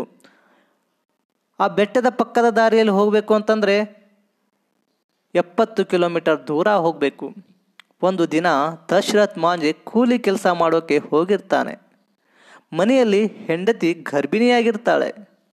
ಮಧ್ಯಾಹ್ನದ ಸಮಯ ಗಂಡನಿಗೆ ಊಟ ತಗೊಂಡು ಹೋಗಬೇಕು ಅಂತ ಅಡುಗೆ ರೆಡಿ ಮಾಡಿ ಗಂಡನಿಗೋಸ್ಕರ ತಗೊಂಡು ಹೋಗ್ತಾ ಇರ್ತಾಳೆ. ತೆಗೆದುಕೊಂಡು ಹೋಗುವ ಸಮಯದಲ್ಲಿ ಕಲ್ಲಿನ ಮೇಲೆ ಕಾಲಿಟ್ಟು ಜಾರಿ ಬಿದ್ದು ಹೋಗ್ತಾಳೆ. ಆ ಸಮಯದಲ್ಲಿ ಆಕೆಗೆ ಹೊಟ್ಟೆ ನೋವು ಸ್ಟಾರ್ಟ್ ಆಗಿಬಿಡುತ್ತೆ. ಆ ವಿಷಯ ಗಂಡನಿಗೆ ಕೂಡ ಗೊತ್ತಾಗತ್ತೆ, ಓಡೋಡಿ ಬರ್ತಾನೆ. ಆದರೆ ಆ ಊರಿನಲ್ಲಿ ಆಸ್ಪತ್ರೆ ವ್ಯವಸ್ಥೆ ಯಾವುದು ಕೂಡ ಇರೋದಿಲ್ಲ. ಆಗ ಗಂಡ ಆಕೆಯನ್ನು ಎತ್ತಿಕೊಂಡು ಆಸ್ಪತ್ರೆಗೆ ಹೋಗಬೇಕು ಅಂತ ಹೊರಡ್ತಾನೆ. ಆಸ್ಪತ್ರೆಗೆ ಹೋಗಬೇಕು ಅಂತಂದರೆ ಬೆಟ್ಟ ಹತ್ತಿಳಿಬೇಕು, ಇಲ್ಲ ಬೆಟ್ಟ ಸುತ್ಕೊಂಡು ಹೋಗಬೇಕು ಅಂತಂದರೆ ಮತ್ತೆ ಎಪ್ಪತ್ತು ಕಿಲೋಮೀಟರ್ ದೂರ ಹೋಗಲೇಬೇಕು. ಹೌದಲ್ವಾ? ಇಲ್ಲಿಗೆ ಆಕೆಗೆ ಹೊಟ್ಟೆ ನೋವು ಜಾಸ್ತಿ ಆಗುತ್ತೆ. ಆಗ ಅವಸರದಿಂದ ಬೆಟ್ಟ ಹತ್ತೋದಕ್ಕೆ ಸ್ಟಾರ್ಟ್ ಮಾಡ್ತಾನೆ. ಅವಸರದಿಂದ ಓಡ್ತಾನೆ, ಆದರೆ ಮಧ್ಯದಲ್ಲಿ ಹೆಂಡತಿ ಸತ್ತೋಗ್ತಾಳೆ. ಎಷ್ಟೋ ಪ್ರೀತಿಯಿಂದ ನೋಡಿಕೊಳ್ತಾ ಇದ್ದಂಥ ಹೆಂಡತಿ ಸತ್ತೋಗ್ತಾಳೆ. ಆ ಸಂಕಟದಲ್ಲಿ ಇರ್ತಾನೆ. ಏನು ಮಾಡಬೇಕು ಅಂತ ಅರ್ಥ ಆಗದೆ ಕೂತು ಬಿಡ್ತಾನೆ. ಒಂದು ದಿನ ಕಳೆಯುತ್ತೆ, ಎರಡು ದಿನ ಕಳೆಯುತ್ತೆ, ವಾರ ಕಳೆದೋಗುತ್ತೆ. ಆ ನಂತರ ಒಂದು ಆಲೋಚನೆ ಬರುತ್ತೆ, ಅವನ ಕಣ್ಣು ಆ ಬೆಟ್ಟದ ಮೇಲೆ ಬೀಳತ್ತೆ. ಆ ಬೆಟ್ಟ ಅಡ್ಡವಾಗಿರುವುದಿಂದಲೇ ಅಲ್ವಾ, ನನ್ನ ಹೆಂಡತಿ ಸತ್ತೋಗಿರುವುದು ಅಂತ ಆ ಬೆಟ್ಟವನ್ನು ಸೀಳಿ ಬಿಡ್ತೀನಿ ಅಂತ ಸುತ್ತಿಗೆ ಮತ್ತು ಉಳಿಯನ್ನು ತೆಗೆದುಕೊಂಡು ಹೋಗ್ತಾನೆ. ಆ ಬೆಟ್ಟವನ್ನು ಒಡೆಯೋದಕ್ಕೆ ಸ್ಟಾರ್ಟ್ ಮಾಡ್ತಾನೆ. ಸ್ನೇಹಿತರು ಬರ್ತಾರೆ, ಬೇಡ ಅಂತ ಬುದ್ಧಿ ಹೇಳ್ತಾರೆ, ಕೇಳೋದಿಲ್ಲ. ಬಂಧುಗಳು ಬರ್ತಾರೆ, ಬೇಡ ಅಂತ ಹೇಳ್ತಾರೆ, ಅವ್ರ ಮಾತು ಕೂಡ ಕೇಳೋದಿಲ್ಲ. ಹಾಗೆ ಊರಿನ ಜನರ ಮಾತು ಸಹ ಕೇಳೋದಿಲ್ಲ. ಯಾರು ಮಾತನ್ನು ಕೇಳದೆ ಬೆಟ್ಟವನ್ನು ಒಡೆಯೋಕೆ ಮುಂದುವರಿಸ್ತಾನೆ. ಆ ಬೆಟ್ಟದ ಹತ್ರನೇ ಇರ್ತಾನೆ. ಮಳೆ, ಗಾಳಿ, ಬಿಸಿಲು, ಚಳಿ ಇವು ಯಾವುದನ್ನು ಕೂಡ ಲೆಕ್ಕಿಸದೆ ಬೆಟ್ಟ ಒಡೆಯೋದನ್ನೇ ಮುಂದುವರಿಸ್ತಾನೆ. ಬೆಟ್ಟವನ್ನು ಸೀಳೋದೇ ನನ್ನ ಗುರಿ ಅಂತ ತಿಳಿದು ಕೆಲಸವನ್ನು ಮುಂದುವರಿಸ್ತಾನೆ. ಇಪ್ಪತ್ತಾರನೇ ವಯಸ್ಸಿನಲ್ಲಿ ಪ್ರಾರಂಭ ಮಾಡಿ ಕೊನೆಗೆ ನಲವತ್ತೆಂಟು ವರ್ಷ ವಯಸ್ಸಾಗತ್ತೆ. ಇಪ್ಪತ್ತೆರಡು ವರ್ಷಗಳ ಕಾಲ ಕಷ್ಟಪಟ್ಟು ಆ ಬೆಟ್ಟವನ್ನು ಸೀಳ್ಬಿಡ್ತಾನೆ ತನ್ನ ಗುರಿಯನ್ನು ತಲುಪೋದಕ್ಕೆ ಇಪ್ಪತ್ತೆರಡು ವರ್ಷಗಳ ಕಾಲ ಕಷ್ಟಪಟ್ಟು ಅವರು ಅಂದುಕೊಂಡಿದ್ದನ್ನು ಸಾಧನೆ ಮಾಡಿಬಿಡ್ತಾರೆ. ಇದನ್ನು ಬಿ ಆರ್ ಸರ್ಕಾರ ಗುರಿಸ, ಗುರುತಿಸಿ ಅಲ್ಲಿ ರೋಡ್ ಮಾಡಿಸಿ ಅದಕ್ಕೆ ದಶರಥ್ ಮಾಂಜಿ ಅಂತ ಹೆಸರಿಡ್ತಾರೆ. ಅಷ್ಟೇ ಅಲ್ಲ, ಆ ಊರಿಗೆ ದೊಡ್ಡ ಆಸ್ಪತ್ರೆಯನ್ನು ಕೂಡ ಕಟ್ಟಿಸ್ತಾರೆ.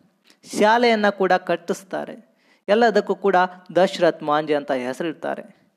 ಗೆಲುವಿನಲ್ಲಿ ಇರದೇ ಇರುವಂಥ ಲಾಭಗಳು ಸೋಲಿನಲ್ಲಿವೆ. ಇದು ಕಲಿಯುವವರಿಗೆ ಮಾತ್ರನೇ. ಸೋತ ಮೇಲೆ ಸೋತೋದೆ ಎಂದು ನಿರ್ಧಾರ ತಗೋದು ತಪ್ಪು. ಸೋಲು ಇರದೇ ಇರುವವರು ಯಾರೂ ಕೂಡ ಇಲ್ಲ ಈ ಪ್ರಪಂಚದಲ್ಲಿ. ಸೋಲು ಗೆಲುವು ಅನ್ನೋದು ರಾತ್ರಿ ಇದ್ದ ಹಾಗೆ. ರಾತ್ರಿ ಕಳೆದ ಮೇಲೆ ಹಗಲು ಹೇಗೆ ಬರುತ್ತೋ ಸೋಲು ಬಂದ ಮೇಲೆ ಗೆಲುವು ಬಂದೇ ಬರುತ್ತೆ. ಆತ್ಮೀಯ ಸ್ನೇಹಿತರೆ, ಪ್ರೀತಿ ಮಾಡುವಂಥ ಎಲ್ಲ ಯುವಕರಿಗೆ ಹೇಳೋ ಮಾತು ಇಷ್ಟೇ. ನಿಜವಾದ ಪ್ರೀತಿ ಮಾಡಿ. ಪ್ರೀತಿಗೆ ತನ್ನದೇ ಆದ ಅರ್ಥ ಇದೆ. ಅದಕ್ಕೆ ಕಳಂಕ ಬರುವ ರೀತಿ ಯಾರೂ ಕೂಡ ಮಾಡಬೇಡಿ. ಸೊ ಎಲ್ಲರೂ ಕೂಡ ಚೆನ್ನಾಗಿರಿ. ಒಳ್ಳೆಯದಾಗಲಿ. ನಮಸ್ಕಾರ. ಧನ್ಯವಾದಗಳು. ಸ್ನೇಹಿತರೆ, ಒಮ್ಮೆ ಯೋಚನೆ ಮಾಡಿ. ಯಾವತ್ತೂ ಕೂಡ ಇರದೇ ಇರುವಂಥ ಈ ಗಲಾಟೆ, ಈ ಜಗಳ, ಈ ಗದ್ದಲಗಳು ಈಗ ಇದ್ದಿದೆ ಯಾವತ್ತೂ ಕೂಡ ಇರದೇ ಇರುವಂಥ ಜಾತಿವಾದ್ಯತೆ, ಹಿಜಾಬಿವಾದ ಈಗ ಇದ್ದಿದೆ ಇದು ನೋಡ್ತಾ ಇದ್ರೆ ಯಾರು ತಮ್ಮ ಲಾಭಕ್ಕೋಸ್ಕರ ಈ ಬೆಂಕಿಯನ್ನು ಹಚ್ತಾ ಇದ್ದಾರೆ. ಇದಕ್ಕೆ ಇಡೀ ಮಾನವ ಸಂಕುಲವೇ ನಾಶವಾಗ್ತಾ ಇದೆ. ಒಮ್ಮೆ ಯೋಚನೆ ಮಾಡಿ, ನನ್ನ ದೇಶ, ಹಿಂದೂ ದೇಶ, ನನ್ನ ದೇಶ, ಭಾರತ ದೇಶದಲ್ಲಿ ಸರ್ವ ಧರ್ಮಗಳಿಗೂ ಸರ್ವೇ ಸಮಾನ ಅಂತ ಆ ದೇಶವನ್ನು ಹೊಡಿಸ್ತಾ ಇದೆ. ಎಲ್ಲ ಧರ್ಮದವರು ಕೂಡ ಸಮಾನ ಅನ್ನೋ ತತ್ವವನ್ನು ಪಾಲಿಸಿದಂಥ ನನ್ನ ದೇಶಕ್ಕೆ ಇವತ್ತು ಜಾತಿವಾದ್ಯತೆ, ಈ ಒಂದು ಹಿಂದೂವಾದ್ಯತೆ ಹಾಗೂ ಈ ಒಂದು ಹಿಜಾಬಿವಾದ ತೆರೆನೋವು ಆಗ್ತಾ ಇದೆ. ಇದರಿಂದ ಇಡೀ ದೇಶವನ್ನು ನಾವು ಬಯೋ ಥರ ಆಗ್ತಾ ಇದೆ. ಯಾವತ್ತೂ ಕೂಡ ಇರದೇ ಇರುವಂಥ ಈ ಜಗಳಗಳು ಈಗ ಬಂದಿದೆ ಅಂತಂದರೆ ಅದಕ್ಕೆ ಯಾರೋ ಕೈವಾಡ ಇದೆ. ಸೊ ಒಮ್ಮೆ ಯೋಚನೆ ಮಾಡಿ ಟಿ ವಿಗಳಲ್ಲಿ ಪೇಪರ್ಗಳಲ್ಲಿ ನೀವು ದಿನನಿತ್ಯ ನೋಡ್ತಾನೆ ಇದ್ರೆ ಇದು ಯಾವತ್ತು ಮುಗಿಯುತ್ತೋ ಅಂತ ನಾವು ಕೂಡ ಕಾಯ್ತಾ ಇದ್ದೀವಿ. ನೋಡಿ, ಒಮ್ಮೆ ಯೋಚನೆ ಮಾಡಿ, ಹುಚ್ಚು ಕಂದಮ್ಮಗಳೇ, ನಿಮ್ಮ ನಿಮ್ಮಲ್ಲಿ ದ್ವೇಷ ಭಾವನೆಗಳೇಕೆ ನಿಷ್ಕಲ್ಮಶ ಮನಸ್ಸುಗಳೇ, ಮುಂದೆ ದೇಶಕ್ಕೆ ಹೊರೆಯಾದಿರಿ ಜೋಕೆ. ನಿಮ್ಮನ್ನು ಮುಂದೆ ಎತ್ತಿ ಕಟ್ಟಿದ ಮಂದಿ ನಿಂತು ನಗೋರು ಹಿಂದೆ. ಕಣ್ತೆರೆದು ನೋಡುವೊಮ್ಮೆ ಭವ್ಯ ಭವಿಷ್ಯದ ಮುಂದೆ. ಶಾಲು, ಹಿಜಾಬ್ ಕೇವಲ ತೊಟ್ಟ ಬಟ್ಟೆ ಅಷ್ಟೇ. ಅನ್ನ, ನೀರು, ಗಾಳಿ ಕೊನೆಗೆ ಮೈಯಲ್ಲಿ ಹರಿಯುವಂಥ ರಕ್ತ ಕೂಡ ಒಂದೇ. ಕೊನೆಯಲ್ಲಿ ನಿಮ್ಮನ್ನು ಸೇರುವಂಥ ಮಣ್ಣು ಕೂಡ ಒಂದೇ. ಯಾಕೆ ಈ ಜಗಳ, ಯಾಕೆ ಈ ಗಲಾಟೆ? ಒಂದೇ ತಟ್ಟೆಯಲ್ಲಿ ಹಂಚಿ ತಿನ್ನುತ್ತಿದ್ದೀರಿ ಎಂದೆಂದು? ಅಂತ ನಿಷ್ಕಲ್ಮಶ ಮನಸ್ಸುಗಳಲ್ಲಿ ದ್ವೇಷದ ಬೀಜ ತುಂಬಿದೆ ಎಂದು ನನ್ನ ದೇಶ ಕಲಿಸಿಕೊಟ್ಟಂಥ ಪಾಠ ಎಲ್ಲ ಧರ್ಮದವರು ಕೂಡ ಸಮಾನ ಅಂತ. ಎಲ್ಲ ಧರ್ಮದವರು ಕೂಡ ಒಂದು ಅಂತ. ಈ ಸಂಸ್ಕೃತಿಯನ್ನು ಮರೆಯದಿರಿ ಎಂದೆಂದು? ಸ್ನೇಹಿತರೆ, ಇನ್ನೂ ಕೂಡ ಕಾಲ ಮಿಂಚಿಲ್ಲ. ಬದಲಾಗಿ, ಬದಲಾವಣೆ ಜಗದ ನಿಯಮ. ನಿಮ್ಮ ಬದಲಾವಣೆ ದೇಶದ ಸಂಸ್ಕೃತಿಯನ್ನು ಹಾಗೂ ಏಕತೆಯನ್ನು ಸಾರುವಂಥ ನಾರ್ನುಡಿ ಆಗಬೇಕು ಅಂತ ನನ್ನ ಆಸೆ. ಎಲ್ಲರೂ ಕೂಡ ಒಳ್ಳೆಯದಾಗಲಿ ನಮಸ್ಕಾರ. ಜೈ ಹಿಂದ್. ಆತ್ಮೀಯರೇ, ನಮಸ್ಕಾರ. ಪ್ರೇಮಿಗಳು ಮೋಸ ಮಾಡಿದ್ರು ಅಂತ ನಾವು ಕೇಳ್ತಾ ಇದ್ದೀವಿ. ಹಾಗಂತ ಅದಕ್ಕೆಲ್ಲ ಕೂಡ ಕೊನೆ ಅಂತ ಯಾವುದೂ ಇರಲ್ವ? ಸಾವೇ ಒಂದೇ ಪರಿಹಾರನ. ಹಾಗಿದ್ರೆ ಈ ಕತೆ ನಿಮ್ಮ ಒಂದು ಜೀವನಕ್ಕೆ ಸಂದೇಶವಾಗಬಹುದು ಅಥವಾ ನಿಮ್ಮ ಬದುಕಿಗೆ ಸ್ಫೂರ್ತಿಯಾಗಬಹುದು ಅಂತ ಅನ್ಕೋತೀನಿ. ಇಲ್ಲೊಬ್ಬ ಅಂತಾರಾಷ್ಟ್ರೀಯ ಕ್ರಿಕೆಟ್ ವ್ಯಕ್ತಿ ರಣಜಿ ಟ್ರೋಫಿಯಿಂದ, ಐ ಪಿ ಎಲ್ ಟ್ರೋಫಿಯಿಂದ, ಐ ಪಿ ಎಲ್ ಕ್ರಿಕೆಟ್ ವೃತ್ತಿಯಿಂದ ಹೊರಗುಳಿತಾರೆ. ಎಲ್ಲ ಕ್ರಿಕೆಟ್ದಲ್ಲೂ ಕೂಡ ಮುಂಚೂಣಿಯಲ್ಲಿರುವ ಈತ ಕ್ರಿಕೆಟನ್ನೇ ಬೇಡ ಅನ್ನೋ ಒಂದು ಹಂತಕ್ಕೆ ಬರ್ತಾನೆ. ಇದಕ್ಕೆಲ್ಲ ಕಾರಣ ಏನಂತಂದರೆ ಪ್ರೀತಿಯಲ್ಲಿ ಮೋಸ. ಪ್ರೀತಿಯಲ್ಲಿ ಮೋಸ ಆದರೆ ಎಲ್ರಿಗೂ ಕೂಡ ನೆನಪಾಗೋದು ಸಾವು ಒಂದೇ ಈತನೂ ಕೂಡ ಆಗಿದ್ದು ಅದೇ. ಎಲ್ಲವೂ ಕೂಡ ಬೇಡ. ಸಾವೇ ಒಂದೇ ಪರಿಹಾರ ಅಂತ ಹೋಗುವಂಥ ವ್ಯಕ್ತಿಗೆ ಅನುಭವ ಬದಲಾವಣೆ ಆಗಿತ್ತು ಹೇಗೆ ಅಂತ ಕೇಳಲೇಬೇಕು. ಸ್ನೇಹಿತರೆ, ಈ ವ್ಯಕ್ತಿ ಸ್ವತಃ ತನ್ನ ಹೆಂಡತಿ ಇನ್ನೊಬ್ಬರ ಜೊತೆ ಅಫಿಯರ್ ಇದೆ ಅಂತ ಆಕೆ ಹೇಳಿದಾಗ ಆತನಿಗೆ ಹೇಗಾಗಿರ್ಬೋದು? ಜೀವನನೇ ಬೇಡು ಅಂತ ಹೋಗ್ತಾ ಇರೋ ಈತನಿಗೆ ಒಬ್ಬ ಗೆಳತಿ ಸಿಗ್ತಾಳೆ. ಫ್ರೆಂಡಾಗಿ ಹೊಸ ಒಂದು ನವ ಚೈತನ್ಯವನ್ನು ಕೊಡ್ತಾಳೆ. ಬದುಕುವ ಸ್ಫೂರ್ತಿ ತುಂಬ್ತಾಳೆ. ದೀಪಿಕಾ ಪಡ್ಕಲ್. ಮುಂದೆ ಇವರ ಸ್ನೇಹ ಬೆಳೀತಾ ಬೆಳೀತಾ ಪ್ರೀತಿಯಾಗಿ ಕನ್ವರ್ಟ್ ಆಗತ್ತೆ. ಮದುವೆ ಕೂಡ ಆಗ್ತಾರೆ. ಅನಂತರ ಈತನಿಗೆ ಹೊಸ ಹುಮ್ಮಸ್ಸು ಬರುತ್ತೆ. ಬದುಕುವ ಸ್ಫೂರ್ತಿ ಬರುತ್ತೆ. ಈ ಸ್ಫೂರ್ತಿಯನ್ನು ಇಟ್ಕೊಂಡು ಮತ್ತೆ ಆಟವನ್ನು ಶುರು ಮಾಡ್ತಾನೆ. ಈತನ ಗೆಳೆಯ ಮುಂಚೂಣಿಯಲ್ಲಿ ಇದ್ದವನು ಎಲ್ಲವನ್ನು ಸೋಲ್ತಾ ಸೋಲ್ತಾ ಹೋಗ್ತಾನೆ. ಕ್ರಿಕೆಟ್ದಿಂದ ದೂರಾನೇ ಉಳಿತಾನೆ. ಮುಂದೊಂದಿನ ಈತನು ಕ್ರಿಕೆಟ್ದಲ್ಲಿ ಮುಂಚೂಣಿಯಲ್ಲಿರ್ತಾನೆ. ಏಕೆಂತಂದರೆ ಈತನ ಬಿಟ್ಟು ಕ್ರಿಕೆಟ್ ಇಲ್ಲ ಕ್ರಿಕೆಟ್ ಬಿಟ್ಟು ಈತ ಇಲ್ಲ ಅನ್ನೋ ಒಂದು ಹಂತಕ್ಕೆ ಬರ್ತಾನೆ. ಬದುಕೋ ಹುಮ್ಮಸ್ಸನ್ನು ಇಡೀ ಜಗತ್ತಿಗೆ ಸಾರ್ತಾನೆ. ಆಟದ ಒಂದು ಪ್ರಮುಖ ನಾಯಕತ್ವವನ್ನು ಕೂಡ ವಹಿಸ್ತಾನೆ. ಈಗ ಪ್ರೆಸೆಂಟಾಗಿ ಆರ್ ಸಿ ಬಿಯಲ್ಲಿ ಅಬ್ಬರಿಸ್ತಾ ಇರುವಂಥ ಈ ವ್ಯಕ್ತಿ ಬೇರೆ ಯಾರೂ ಇಲ್ಲ ಸ್ನೇಹಿತರೆ? ನಮ್ಮ ನಿಮ್ಮೆಲ್ಲರ ಪ್ರೀತಿಯ ದಿನೇಶ್ ಕಾರ್ತಿಕ್ ಅವರ ಕತೆ. ಈ ಥರ ಬದುಕುವ ಒಂದು ಯುವಕರಿಗೆ, ಯುವ ಪ್ರೇಮಿಗಳಿಗೆ ಈ ಕತೆ ಸಂದೇಶವಾಗಬಹುದು ಅಂತ ಅಂದ್ಕೊಂಡು ಈ ಮಾತನ್ನು ಹೇಳ್ತಾ ಇದ್ದೀನಿ. ಎಲ್ಲರೂ ಕೂಡ ಒಳ್ಳೆಯದಾಗಲಿ ನಮಸ್ಕಾರ. ಆತ್ಮೇಲೆ ತಮ್ಗೆಲ್ಲರಿಗೂ ಕೂಡ ಪ್ರೀತಿಯಿಂದ ಈ ಜಗದೀಶ್ ಮಾಡೋ ಪ್ರೀತಿಯ ನಮಸ್ಕಾರ. ಪ್ರೀತಿ ಅಂತಂದ್ರೆ ಏನು? ಪ್ರೀತಿ ಮೋಸ ಮಾಡಿದರೆ ಏನಾಗುತ್ತೆ? ಪ್ರೀತಿಗೋಸ್ಕರ ಜನ ಎಷ್ಟು ಕಂಗಾಲಾಗಿದ್ದಾರೆ? ಪ್ರೀತಿ ಅಂತಂದರೆ ಅದಕ್ಕಿರುವಂಥ ಶಕ್ತಿ ಏನು ಅಂತ ತಮಗೆಲ್ಲರಿಗೂ ಗೊತ್ತು. ಪ್ರೀತಿಯಲ್ಲಿ ಮೋಸ ಹೋದರೆ ಎಲ್ಲರೂ ಕೂಡ ಆಯ್ಕೆ ಮಾಡಿಕೊಳ್ಳುವಂಥ ಹಾದಿ ಯಾವುದು ಅಂತಂದರೆ ಸಾವು. ಯಾವುದು ಕೂಡ ಮುಂಚೂಣಿಯಲ್ಲಿರುವಂಥ ವ್ಯಕ್ತಿಯಾಗಿರಲಿ ಅಥವಾ ಶಕ್ತಿಯಾಗಿರಲಿ ಯಾವುದು ಕೂಡ ಆತನ ಕಣ್ಣಿಗೆ ಕಾಣೋದಿಲ್ಲ. ಆತನಿಗೆ ಕಾಣೋದೊಂದೇ ಸಾವೇ ಇದಕ್ಕೆಲ್ಲ ಪರಿಹಾರ ಅಂತ. ಈತನು ಕೂಡ ಹಾಗೆ ಅಂದ್ಕೊಂಡಿದ್ದು ಆದರೆ ಜೀವನ ಬದಲಾಗಿದ್ದು ಹೇಗೆ? ಈತ ಒಬ್ಬ ಅಂತಾರಾಷ್ಟ್ರೀಯ ಕ್ರಿಕೆಟ್ ವ್ಯಕ್ತಿ. ಜೀವನಾನೇ ಕ್ರಿಕೆಟ್ಗಾಗಿ ಸವಿಸಬೇಕು ಅಂತ ಆಸೆ ಪಟ್ಟವನು ಬದುಕನ್ನು ಕ್ರಿಕೆಟ್ಗಾಗಿ ಮೀಸಲಿಟ್ಟವನು. ಆದರೆ ಪ್ರೀತಿಯಲ್ಲಿ ಮೋಸ ಆಯಿತು ಅಂತ ಎಲ್ಲದರಿಂದ ಕೂಡ ದೂರ ಉಳಿತಾನೆ. ಕ್ರಿಕೆಟ್ ಆವೃತ್ತಿಗೆ ಇನ್ನೇನು ಈತ ಬೇಡ ಅನ್ನುವಂಥ ಹಂತಕ್ಕೆ ಬರ್ತಾನೆ. ಎಲ್ಲದರಿಂದಲೂ ಕೂಡ ದೂರ ಇರ್ತಾನೆ. ನನಗೆ ಸಾವೇ ಗತಿ ಅಂತ ಸಾವಿನಡೆಗೆ ಹೋಗ್ತಾನೆ. ಅಂಥ ವ್ಯಕ್ತಿ ಬದಲಾಗಿದ್ದು ಹೇಗೆ? ತನ್ನ ಜೀವನವನ್ನು ರೂಪುಗೊಳಿಸಿದ್ದು ಹೇಗೆ ಅಂತ ಒಂದು ಚಿಕ್ಕ ಕಥೆಯ ಮೂಲಕ ಹೇಳೋಕ್ಕೆ ಇಷ್ಟಪಡ್ತೀನಿ ಅಷ್ಟೇ. ಈತ ಅಂತಾರಾಷ್ಟ್ರೀಯ ಕ್ರಿಕೆಟ್ ವ್ಯಕ್ತಿ. ಸ್ವತಃ ತನ್ನ ಹೆಂಡತಿ ಇನ್ನೊಬ್ಬರ ಜೊತೆ ಅಫಿಯರ್ ಇದ್ದಾಳೆ ಅಂತ ಅವನ ಹೆಂಡತಿಯಿಂದ ಕೇಳಿದಾಗ ಆತನಿಗಾಗುವಂಥ ದುಃಖ ಎಂಥದ್ದಿರ್ಬೋದು ಅಂತ ಯೋಚನೆ ಮಾಡಿ. ಅಂಥ ಸಮಯದಲ್ಲಿ ಎಲ್ಲರ ತಲೆಯಲ್ಲಿ ಬರೋದು ಒಂದೇ, ಸಾವೇ ಇದಕ್ಕೆಲ್ಲ ಪರಿಹಾರ ಅಂತ. ಸಾವಿನ ಒಂದು ಹಾದಿಯನ್ನು ಹಿಡಿದಂಥ ಈ ವ್ಯಕ್ತಿ ಕೊನೆಗೆ ಸಾಯಬೇಕು ಅಂತ ಅಂದ್ಕೊಂಡಾಗ ಈತನಿಗೆ ಒಬ್ಬ ಗೆಳತಿಯ ಪರಿಚಯವಾಗತ್ತೆ. ಸ್ನೇಹಿತೆಯ ಪರಿಚಯವಾಗುತ್ತೆ. ಬದುಕುವ ಹುಮ್ಮಸ್ಸನ್ನು ತುಂಬ್ತಾರೆ. ಈ ಸ್ನೇಹ ಬೆಳೀತಾ ಬೆಳೀತಾ ಪ್ರೀತಿಯಾಗಿ ಕನ್ವರ್ಟ್ ಆಗತ್ತೆ. ಮುಂದೆ ಒಂದಿನ ಇಬ್ಬರು ಕೂಡ ಮದುವೆ ಕೂಡ ಆಗ್ತಾರೆ. ಮದುವೆಯಾಗಿ ಆತನಿಗೆ ಹೊಸ ಹುಮ್ಮಸ್ಸನ್ನು ಕೊಡ್ತಾರೆ. ಬದುಕುವ ಚೈತನ್ಯವನ್ನು ಕೊಡ್ತಾರೆ. ಸಾಧನೆಯ ಮೆಟ್ಟಿಲುಗಳನ್ನು ಹತ್ತುವಂಥ ಶಕ್ತಿಯನ್ನು ತುಂಬುತ್ತಾರೆ ಈತನಿಗೆ ಮೋಸ ಮಾಡಿದಂಥ ಗೆಳೆಯ ಎಲ್ಲದರಲ್ಲೂ ಕೂಡ ಮುಂಚೂಣಿಯಲ್ಲಿರ್ತಾನೆ. ಸೋಲುಗಳನ್ನೇ ಕಂಡ ಈತ ಸೋಲುಗಳಲ್ಲಿ ನಿಶ್ಚಿಮನಾಗಿಬಿಡ್ತಾನೆ. ಇನ್ನೇನು ಬದುಕೇ ಇಲ್ಲ ಅನ್ನೋ ಇಂಥ ಹಂತದಲ್ಲಿ ಈಕೆ ಸಿಕ್ಕು, ಆತನಿಗೆ ಹೊಸ ಉತ್ಸಾಹವನ್ನು ಕೊಡ್ತಾಳೆ, ಹೊಸ ಚೈತನ್ಯವನ್ನು ಕೊಡ್ತಾಳೆ, ಬದುಕಿಗೆ ಸ್ಫೂರ್ತಿಯನ್ನು ತುಂಬ್ತಾಳೆ. ಮುಂದೆ ಒಂದು ದಿನ ಆತನ ಗೆಳೆಯ ಎಲ್ಲದರಲ್ಲೂ ಕೂಡ ಸೋಲ್ತಾ ಸೋಲ್ತಾ ಕ್ರಿಕೆಟಕ್ಕೆ ವಿದಾಯ ಹೇಳುವ ಹಂತ ಬರುತ್ತೆ. ಆದರೆ ಈ ಆ ಸ್ಥಾನದಲ್ಲಿ ಮುಂಚೂಣಿಯಲ್ಲಿರ್ತಾನೆ. ಕ್ರಿಕೆಟ್ ಆವೃತ್ತಿಯಲ್ಲಿ ಈತ ಇರದೇ ಇರುವಂಥ ಸಂದರ್ಭ ಯಾವುದೂ ಕೂಡ ಇಲ್ಲ ಅನ್ನೋ ಒಂದು ಸವಾಲನ್ನು ಸಾಧನೆಯನ್ನು ಈತ ಕೊಡ್ತಾನೆ ಇಂಡಿಯನ್ ಟೀಮಿಗೆ. ನಾನಿರದ ಕ್ರಿಕೆಟ ಇಲ್ಲ ಅನ್ನೋ ಒಂದು ಹಂತಕ್ಕೆ ಕ್ರಿಕೆಟನ್ನು ಪೂಜಿಸ್ತಾನೆ. ಇಷ್ಟೆಲ್ಲ ಹೇಳಿದ್ನಲ್ಲ ನಿಮ್ಮ ತಲೆಯಲ್ಲಿ ಬಂದಿರ್ಬೋದು, ಆತ ಯಾರಿರ್ಬೋದು ಯಾರಿರ್ಬೋದು ಅಂತ, ಆತ ಬೇರೆ ಯಾರು ಅಲ್ಲ ಪ್ರೆಸೆಂಟಾಗಿ ಅಬ್ಬರ್ಸ್ತಾ ಇರುವಂಥ ಆರ್ ಸಿ ಬಿ ತಂಡದ ಯುವ ಆಟಗಾರ ದಿನೇಶ್ ಕಾರ್ತಿಕ್ ಸಿಡಿಲು ಮರಿ ಅಂತ ಹೇಳ್ಬೋದು. ಪ್ರೆಸೆಂಟಾಗಿ ಈ ಪರಿ ಅವರು ಈ ಒಂದು ಆರ್ ಸಿ ಬಿಯಲ್ಲಿ ಅಬ್ಬರಿಸ್ತಾ ಇದ್ದಾರೆ ಅಂತಂದರೆ ವಾ ವಂಡರ್ಫುಲ್ ಪರ್ಫಾರ್ಮೆನ್ಸ್ ಸರ್, ನಿಮ್ಮ ಒಂದು ಈ ಸಾಧನೆ ಹೀಗೆ ಮುಂದುವರಿಲಿ ಅಂತ ಆಶಿಸುತ್ತಾ ಕೇಳಿದವರಿಗೆಲ್ಲರಿಗೂ ಕೂಡ ವಂದನೆಗಳು, ಒಳ್ಳೆಯದಾಗಲಿ. ನಮಸ್ಕಾರ. ಆತ್ಮೀಯ ಸ್ನೇಹಿತರಿಗೆಲ್ಲರಿಗೂ ಕೂಡ ಪ್ರೀತಿಯಿಂದ ಈ ಜಗದೀಶ್ ಮಾಡೋ ಪ್ರೀತಿಯ ನಮಸ್ಕಾರ. ಸ್ನೇಹಿತರೆ, ಪ್ರೀತಿ ಅಂದರೆ ಯಾರಿಗೆ ಇಷ್ಟ ಇಲ್ಲ ಹೇಳಿ. ಪ್ರತಿಯೊಬ್ಬರು ಕೂಡ ಪ್ರೀತಿ ಮಾಡ್ತೀರ? ಪ್ರತಿಯೊಬ್ಬರಿಗೂ ಪ್ರೀತಿ ಅಂದರೆ ಇಷ್ಟನೇ. ಆದರೆ ಅದೇ ಪ್ರೀತಿ ಕಳ್ಕೊಂಡಾಗ ಅಥವಾ ಮೋಸ ಹೋದಾಗ ಆತನಿಗೆ ಆಗುವಂಥ ಕಷ್ಟ, ನೋವು, ಸಂಕಟ ಆತನಿಗೆ ಮಾತ್ರ ಗೊತ್ತರಿ.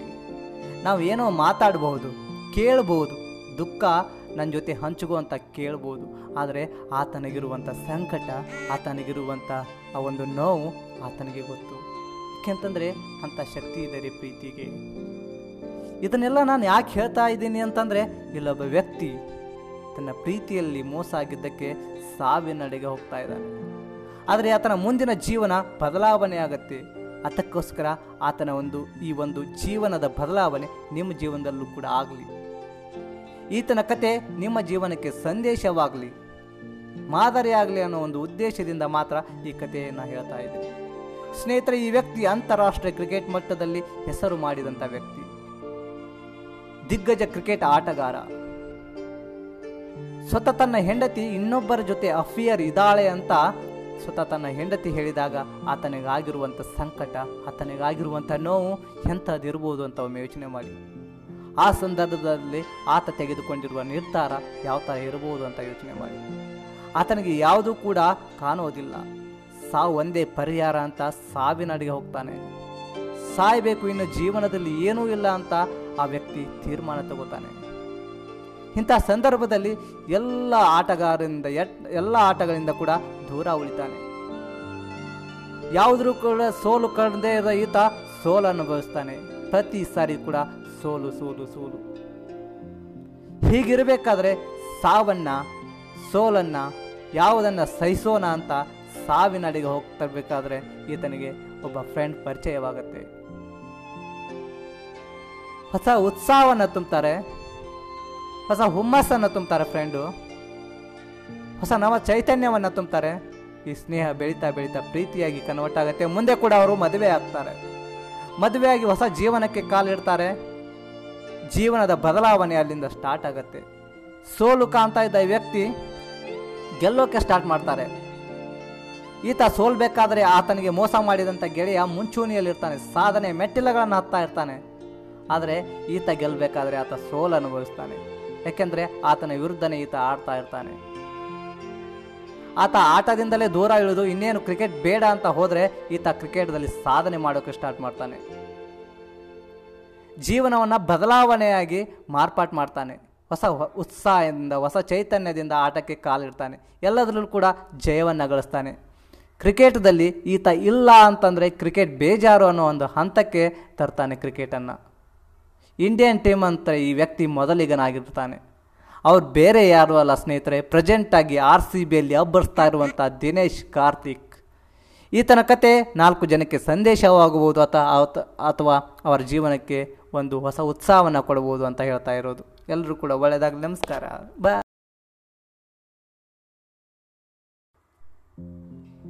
ಹಾಯ್ ಆತ್ಮೀಯರೇ, ಎಲ್ರಿಗೂ ಕೂಡ ನಮಸ್ಕಾರ. ನಾನು ಜಗದೀಶ್.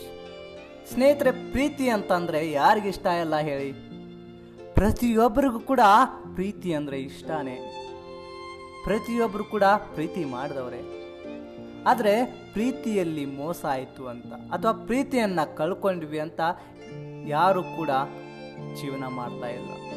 ಎಲ್ಲರ ತಲೆಯಲ್ಲೂ ಬರುವಂಥ ಮೊದಲನೇ ಪ್ರಶ್ನೆನೇ ಸಾವು. ಜೀವನದಲ್ಲಿ ಇನ್ನೇನೂ ಇಲ್ಲ, ಎಲ್ಲದಕ್ಕೂ ಮುಕ್ತಿ ಅಥವಾ ಪರಿಹಾರ ಸಾವೇ ಅಂತ ಅನ್ಕೋತೀರ? ಅದು ನಿಮ್ಮ ಹುಚ್ಚುತನ. ಇಲ್ಲೊಬ್ಬ ವ್ಯಕ್ತಿ ಪ್ರೀತಿಯಲ್ಲಿ ಮೋಸ ಹೋಗ್ತಾನೆ. ಸಾಯ್ಬೇಕು ಅಂತ ಸಾವಿನಡೆಗೆ ಹೋಗ್ತಿರ್ಬೇಕಾದ್ರೆ ಆತನ ಜೀವನ ಬದಲಾವಣೆ ಆಗತ್ತೆ. ಆತ ಯಾರು ಅಂತ ಇಡೀ ಜಗತ್ತಿಗೆ ತನ್ನನ್ನು ತಾನು ಪ್ರೂವ್ ಮಾಡ್ಕೋತಾನೆ. ಸಾಧನೆಯ ಮೆಟ್ಟಿಲುಗಳನ್ನು ಹತ್ತಾನೆ ಇಡೀ ಜಗತ್ತಿಗೆ ತನ್ನನ್ನು ತೋರಿಸ್ಕೋತಾನೆ. ಅಂತ ವ್ಯಕ್ತಿಯ ಕಥೆಯನ್ನು ನಿಮ್ಮ ಮುಂದೆ ಬಿಚ್ಚಿಡ್ತಾ ಇದ್ದೀನಿ. ಈ ಕತೆ ನಿಮ್ಮ ಜೀವನಕ್ಕೆ ಸಂದೇಶವಾಗಬಹುದು ಅಥವಾ ಸ್ಫೂರ್ತಿಯಾಗಬಹುದು ಅನ್ನೋ ಒಂದು ಉದ್ದೇಶದಿಂದ ಮಾತ್ರ ಈ ಕಥೆಯನ್ನು ಹೇಳ್ತಾ ಇದ್ದೀನಿ. ಸ್ನೇಹಿತರೆ, ಈ ವ್ಯಕ್ತಿ ಒಬ್ಬ ಕ್ರಿಕೆಟ್ ದಿಗ್ಗಜ. ಕ್ರಿಕೆಟನ್ನು ತನ್ನ ಒಂದು ಹೆತ್ತ ತಾಯಿಯಂತೆ ಪೂಜೆ ಮಾಡ್ತಾ ಇರುವಂಥ ವ್ಯಕ್ತಿ ಕ್ರಿಕೆಟ್ ದಿಗ್ಗಜ. ಸ್ವತಃ ತನ್ನ ಹೆಂಡತಿ ಇನ್ನೊಬ್ಬರ ಜೊತೆ ಅಫಿಯರ್ ಇದ್ದಾಳೆ ಅಂತ ಆಕೆಯ ಬಾಯಿಯಿಂದ ಹೇಳಿದಾಗ ಆತನಿಗೆ ಆಗಿರುವಂಥ ಸಂಕಟ ನೋವು ಯಾರಿಗೂ ಕೂಡ ಬೇಡ. ಆ ಸಂದರ್ಭದಲ್ಲಿ ಆತ ತೆಗೆದುಕೊಂಡಿರುವ ನಿರ್ಧಾರ ಸರಿ ಅಂತ ನನಗನಿಸುತ್ತೆ. ಆತ ತೆಗೆದುಕೊಂಡಿರುವಂಥ ನಿರ್ಧಾರ ಏನು ಗೊತ್ತಾ? ಸಾವು. ಸಾವೇ ಇದಕ್ಕೆ ಪರಿಹಾರ ಅಂತ ಸಾವಿನಡೆ ಹೋಗ್ತಾ ಇರ್ತಾನೆ. ಕ್ರಿಕೆಟನ್ನು ಪೂಜಿಸ್ತಾ ಇರುವಂಥ ವ್ಯಕ್ತಿ ಕ್ರಿಕೆಟ್ದಿಂದ ದೂರ ಉಳಿತಾನೆ. I P L Ranji one down ಹಾಗೆ ನೂರಾರು ಥರದ ಆಟಗಳಿಂದ ದೂರ ಉಳಿತಾನೆ. ಯಾವುದರಲ್ಲೂ ಕೂಡ ಸೋಲ್ ಕಾಣದೇ ಇರುವ ಈತ ಸೋಲು ಅನುಭವಿಸ್ತಾನೆ. ಸೋಲು ಸೋಲು ಸೋಲು. ಆದರೆ ಈತನಿಗೆ ಮೋಸ ಮಾಡಿದಂಥ ಆತನ ಗೆಳೆಯ ಎಲ್ಲದರಲ್ಲೂ ಕೂಡ ಮುಂಚೂಣಿಯಲ್ಲಿರ್ತಾನೆ. ಗೆಲುವಿನ ಹಾದಿಯನ್ನು ಹಿಡಿತಾ ಇರ್ತಾನೆ. ಇದನ್ನು ಕಂಡು ಆತನಿಗೆ ಇನ್ನೂ ಕೂಡ ಜುಗುಪ್ಸೆ ಆಗತ್ತೆ. ಜೀವನಾನೇ ಬೇಡ ಅಂತ ತೀರ್ಮಾನ ಮಾಡ್ತಾನೆ. ಸಾವಿನಡೆಗೆ ಹೋಗಬೇಕು ಅಂತ ಸಾವಿನ ಹಾದಿಯನ್ನು ಹಿಡಿತಿರ್ಬೇಕಾದ್ರೆ ಆತನ ಒಂದು ಸಂದರ್ಭದಲ್ಲಿ ಆತನಿಗೆ ಒಂದು ಒಳ್ಳೆ ಫ್ರೆಂಡ್ ಪರಿಚಯವಾಗುತ್ತೆ. ಸ್ನೇಹಿತೆ ಪರಿಚಯ ಆಗ್ತಾಳೆ. ಆತನಿಗೆ ಹೊಸ ಬದುಕನ್ನು, ಹೊಸ ಬದುಕುವ ಹುಮ್ಮಸ್ಸನ್ನು ತುಂಬ್ತಾಳೆ. ನವ ಚೈತನ್ಯವನ್ನ ತುಂಬ್ತಾಳೆ. ಒಂದು ಹರ್ಷವನ್ನು, ಒಂದು ವ್ಯಕ್ತಿತ್ವವನ್ನ ತುಂಬ್ತಾಳೆ. ಬದುಕುವ ಛಲವನ್ನು ಕೊಡ್ತಾಳೆ. ಸ್ನೇಹಿತೆ, ಸ್ನೇಹ ಮುಂದೆ ಕನ್ವರ್ಟ್ ಆಗಿ ಪ್ರೀತಿ ಕೂಡ ಆಗುತ್ತೆ, ಮದುವೆ ಕೂಡ ಆಗ್ತಾರೆ. ದೀಪಿಕಾ ಪುಂಡ್ಲಿಕ್ ಅಂತ ಅವ್ರ ಹೆಸರು. ಸ್ನೇಹಿತರೆ, ಈ ವ್ಯಕ್ತಿ ಮುಂದೆ ಆ ಒಂದು ಚೈತನ್ಯವನ್ನು, ಆ ಒಂದು ಹುಮ್ಮಸ್ಸದಿಂದ ಬೆಳೀತಾ ಬೆಳೀತಾ ಹೋಗಿ ಕ್ರಿಕೆಟ್ ದಿಗ್ಗಜನಾಗ್ತಾನೆ. ಯಾರು ಈತನ ಎದುರು ಗೆಲ್ತಾ ಇರ್ತಾರೋ ಆತನನ್ನು ಸೋಲಿಸಿ ಮುಂದೆ ಹೋಗ್ತಾನೆ. ಕ್ರಿಕೆಟ್ ಜೀವನದಲ್ಲಿ ಹೆಸರು ಮಾಡ್ತಾನೆ ಸ್ನೇಹಿತರೆ, ಯಾವ ಥರ ಮಾಡ್ತಾನಂತಂದರೆ ಟೀಮ್ನಲ್ಲಿ ಈತ ಇರದೇ ಮ್ಯಾಚ್ ಆಡ್ತಾರೋ ಇಲ್ಲೋ ಅನ್ನೋ ಕನ್ಫ್ಯೂಸಲ್ಲಿ ಟೀಮ್ ಇದೆ ಅಂತ ಅನ್ಕೋಬೇಕು, ಆ ಥರ ಆಡ್ತಾರೆ. ಪ್ರತಿ ಮ್ಯಾಚಲ್ಲಿ ಕೂಡ ಇವರು ಮೊದಲಿಗರಾಗ್ತಾರೆ. ಯಾವ ಮ್ಯಾಚ್ ಸೋಲುತ್ತೆ ಅನ್ನೋ ಸಂದರ್ಭದಲ್ಲಿ ಇವರು ಗೆಲ್ಲುವಂಥ ಗೆಲ್ಲಿಸುವಂಥ ಪ್ರಯತ್ನ ಮಾಡ್ತಾರೆ. ಎಷ್ಟೋ ಮ್ಯಾಚ್ಗಳನ್ನು ಕೂಡ ಗೆಲ್ಲಿಸ್ಕೊಡ್ತಾರೆ ಎಲ್ಲರ ಬದುಕಿಗೆ ಆಶಾ ಕಿರಣರಾಗ್ತಾರೆ. ಅನಾಥಾಶ್ರಮ, ವೃದ್ಧಾಶ್ರಮಗಳಿಗೆ ಸಹಾಯವನ್ನು ಮಾಡ್ತಾರೆ. ಇನ್ನೊಬ್ಬರಿಗೆ ಅಂಗವಿಕಲರಿಗೆ ಸಹಾಯದಾನಿ ಕೂಡ ಆಗ್ತಾರೆ. ಈಗ ಪ್ರೆಸೆಂಟಾಗಿ ನಮ್ಮ ಆರ್ ಸಿ ಬಿಯಲ್ಲಿ ಅಬ್ಬರಿಸ್ತಾ ಇದ್ದಾರೆ. ಸ್ನೇಹಿತರೆ, ಆ ವ್ಯಕ್ತಿ ಯಾರು ಅಂತ ತಮ್ಮ ತಲೆಯಲ್ಲೂ ಕೂಡ ಬಂದಿರ್ಬೋದು. ಯೋಚನೆ ಮಾಡುವಂಥ ಅಗತ್ಯವಿಲ್ಲ. ಆತ ಬೇರೆ ಯಾರೂ ಇಲ್ಲ. ನಮ್ಮ ನಿಮ್ಮೆಲ್ಲರ ಪ್ರೀತಿಯ ದಿನೇಶ್ ಕಾರ್ತಿಕ್. ಈ ವ್ಯಕ್ತಿಯ ಒಂದು ಸಾಧನೆಯನ್ನು ನೀವು ಕೇಳಿದ್ರಲ್ಲ? ಸ್ನೇಹಿತರೆ, ನೆನಪಿರಲಿ, ಪ್ರೀತಿ ಅಂದಾಕ್ಷಣ ಒಬ್ಬರಿಗೆ ಸಿಗತ್ತೆ, ಒಬ್ಬರಿಗೆ ಇಲ್ಲ. ಆದರೆ ನೀವು ತೆಗೆದುಕೊಳ್ಳುವಂಥ ನಿರ್ಧಾರ ನಿಮ್ಮ ಭವಿಷ್ಯವನ್ನು, ನಿಮ್ಮ ಫ್ಯಾಮಿಲಿಯ ಭವಿಷ್ಯವನ್ನು, ನಿಮ್ಮ ಕುಟುಂಬದ ಒಂದು ನಿರ್ಧಾರವನ್ನು ಅನುಭವಿಸುತ್ತೆ ಅಥವಾ ಅವಲಂಬನೆ ಆಗಿರುತ್ತೆ ಅನ್ನೋದನ್ನು ನೀವು ಯೋಚನೆ ಮಾಡಲೇಬೇಕು. ಆ ಯೋಚನೆಯಿಂದಲೇ ನಿಮ್ಮ ಒಂದು ಬದುಕಿನ ಸ್ಫೂರ್ತಿ, ಗೆಲುವಿನ ಸ್ಫೂರ್ತಿ, ಗೆಲುವಿನ ಹಾದಿಯನ್ನು ನೀವು ತುಳಿಬೇಕು ಅಂತ ಅನ್ಕೋತೀನಿ. ಸ್ನೇಹಿತರೆ, ನಾನು ಮಾತಾಡೋದ್ರಲ್ಲಿ ಏನಾದರೂ ತಪ್ಪಿದರೆ ದಯವಿಟ್ಟು ಕ್ಷಮೆ ಇರಲಿ. ಹೇಳುವಂಥ ಒಂದು ಅನುಭವ ನನಗಿಲ್ಲ ಬಟ್ ಹೇಳಬೇಕು ಅಂತ ಅನ್ನಿಸ್ತಾ ಇದೆ. ಸೊ ಹೇಳಿದ್ದೀನಿ ಇನ್ನು ಬದಲಾವಣೆ ನಿಮಗೆ ಬಿಟ್ಟಿದ್ದು. ಸೊ ಎಲ್ಲರೂ ಕೂಡ ಒಳ್ಳೆಯದಾಗಲಿ ನಮಸ್ಕಾರ.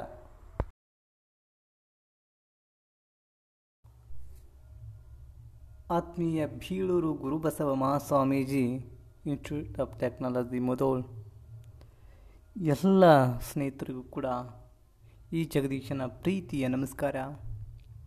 ಆತ್ಮೀಯರೇ, ಸ್ನೇಹಿತರೆ ಈ ಒಂದು ಮೂರು ವರ್ಷದ ಅನುಭವ ಏನು ಇದೆಯಲ್ಲ very wonderful memories are they ಪ್ರತಿಯೊಂದು ಕ್ಷಣನೂ ಕೂಡ ಏನೋ ಒಂದು ಹೊಸ ಮೂಮೆಂಟ್ಸ್ಗಳನ್ನು ಹೊಸ ಮೆಮ್ರೀಸ್ಗಳನ್ನು ನಾವು ಕಲ್ತಿದ್ದೀವಿ. ನಮ್ಮಲ್ಲೇ ಆಯ್ಕೆ ಮಾಡ್ಕೊಂಡಿದ್ದೀವಿ. ಹಾಗೆಯೇ ಜೀವನದಲ್ಲಿ ಅಳವಡಿಸ್ಕೊಳ್ತಾ ಇದ್ದೀವಿ ಅಷ್ಟೇ. ಆದರೆ ಒಂದೊಂದು ಸಾರಿ ಏನು ಅನ್ಸುತ್ತಂತಂದ್ರೆ ಎಲ್ಲವೂ ಸಾಕಾಗಿದೆ. ಬಿಟ್ಟೋದ್ರೆ ಸಾಕು. ಯಾವಾಗ ಮುಗಿಯುತ್ತೆ ಯಾವಾಗಿಲ್ಲ ಅಂತ ಪ್ರಶ್ನೆಗಳು ಉದ್ಭವ ಆಗೇ ಆಗತ್ತೆ. ಪ್ರತಿಯೊಬ್ಬರು ಕಾಲೇಜ್ ಲೈಫಲ್ಲೂ ಕೂಡ ಇದು ಕಾಮನ್ ಹೀಗಿರುವಾಗ, ಹಾಗೋ ಹೀಗೆ ತರಲೆ ಮಾಡಿಕೊಂಡು ಶೆಮ್ ಎಕ್ಸಾಮ್ ಬರೆದು ರಿಸಲ್ಟ್ ನೋಡಿ, ಹಾಗೋ ಹೀಗೋ ಟೈಮ್ ಕಳೆದು ಕೊನೆಗೆ ತುದಿಗಾಲಲ್ಲಿ ಬಂದು ನಿಂತಿದ್ದೀವಿ. ಗೇಟ್ ಪಾಸ್ ಮಾಡಬೇಕು, ಒಳಗಿರಬೇಕು. ಇವಾಗ ಕಾಲು ಹೊರಗಿಟ್ರೆ, ಹೊರಗಡೆ ಒಳಗಿಟ್ಟರೆ ಹೊರಗಡೆ, ಅಂಥ ಪರಿಸ್ಥಿತಿಯಲ್ಲಿ ನಾವಿದ್ದೀವಿ. ಅಂತಂದರೆ, ಎಲ್ಲ ಸೆಮ್ಗಳನ್ನ ಮುಗಿಸಿ ಕೊನೆಯ ಕ್ಷಮವರೆಗೆ ಬಂದು ನಿಂತಿದ್ದೀವಿ. ಕೊನೆಯ ಕ್ಷಣ ನಮ್ಮದು ಏನು ಹೇಳಬೇಕು, ಏನು ಮಾತಾಡಬೇಕು, ಸ್ನೇಹಿತರ ಜೊತೆ ಯಾವ ಥರ ಮೂಮೆಂಟ್ಸ್ಗಳನ್ನು ಕ್ರಿಯೇಟ್ ಮಾಡಬೇಕು, ಯಾವ ಥರ ಮೂಮೆಂಟ್ಸ್ಗಳನ್ನು, ಮೆಮ್ರೀಸ್ಗಳನ್ನು ಅಳವಡಿಸ್ಕೋಬೇಕು, ಜೀವನದಲ್ಲಿ ಹೇಗಿರಬೇಕು ಅನ್ನೋ ನೂರಾರು ಯೋಚನೆಗಳು ಕಾಡ್ತಾ ಇದ್ದಾವೆ. ಹೌದಲ್ವಾ?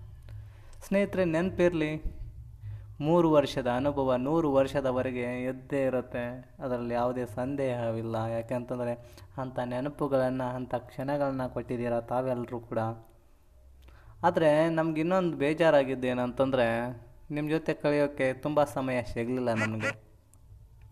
ಯಾಕೆಂತಂದರೆ, ಎರಡು ವರ್ಷವೂ ಕೂಡ ಕರೋನಾದ ಹಾವಳಿಯಿಂದ ಕಾಲೇಜಿನಲ್ಲಿ ರಜೆ ಜಾಸ್ತಿ ಆಯಿತು. ನಿಮ್ಮ ಜೊತೆ ಇರುವಂಥ ಕ್ಷಣಗಳು ಕಡಿಮೆ ಆಯಿತು. ಇಂಥದ್ರ ಮಧ್ಯೆ ಕೂಡ ನಾವು ಇಷ್ಟು ಹೊಂದಾಣಿಕೆ ಮಾಡಿಕೊಂಡು ಇಷ್ಟ ಕ್ಷಣಗಳನ್ನು, ಇಂಥ ಸವಿ ನೆನಪುಗಳನ್ನು ಕಳೆದಿದ್ದೀವಿ ಅಂತಂದರೆ ಇಸ್ ಅ ವೆರಿ ಮಿರಾಕಲ್ ಅಂತ ಅನಿಸುತ್ತೆ. ಕಡಿಮೆ ಸಮಯದೊಳಗೆ ಅಂಡರ್ಸ್ಟ್ಯಾಂಡಿಂಗ್ ಮಾಡಿಕೊಂಡು ನಿಮ್ಮ ಜೊತೆ ಕಳೆದಿರುವಂಥ ಪ್ರತಿಯೊಂದು ಕ್ಷಣ ಕೂಡ ನನ್ನ ಜೀವನದಾಗ ತುಂಬ ಇಂಪಾರ್ಟೆಂಟ್ ಆಗ್ತದೆ.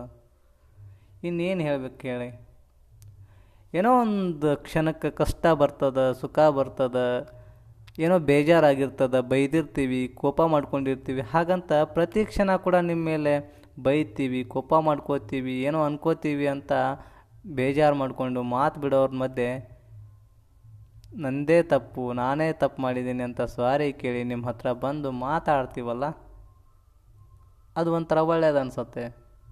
ಹಾಗಿರುವಾಗ ದೇವರು ಕಷ್ಟ ಕೊಡ್ತಾನೆ ಒಬ್ಬರಿಗೆ ಸುಖ ಕೊಡ್ತಾನೆ ಅಂತ ಅಂತಿರ್ತೀವಿ, ನಿಜಾನೇ. ಕಷ್ಟ ಬಂದರೆ ಏಕಕಾಲದಲ್ಲಿ ಕಷ್ಟ ಬಂತಾನೇ ಹೋಗುತ್ತೆ.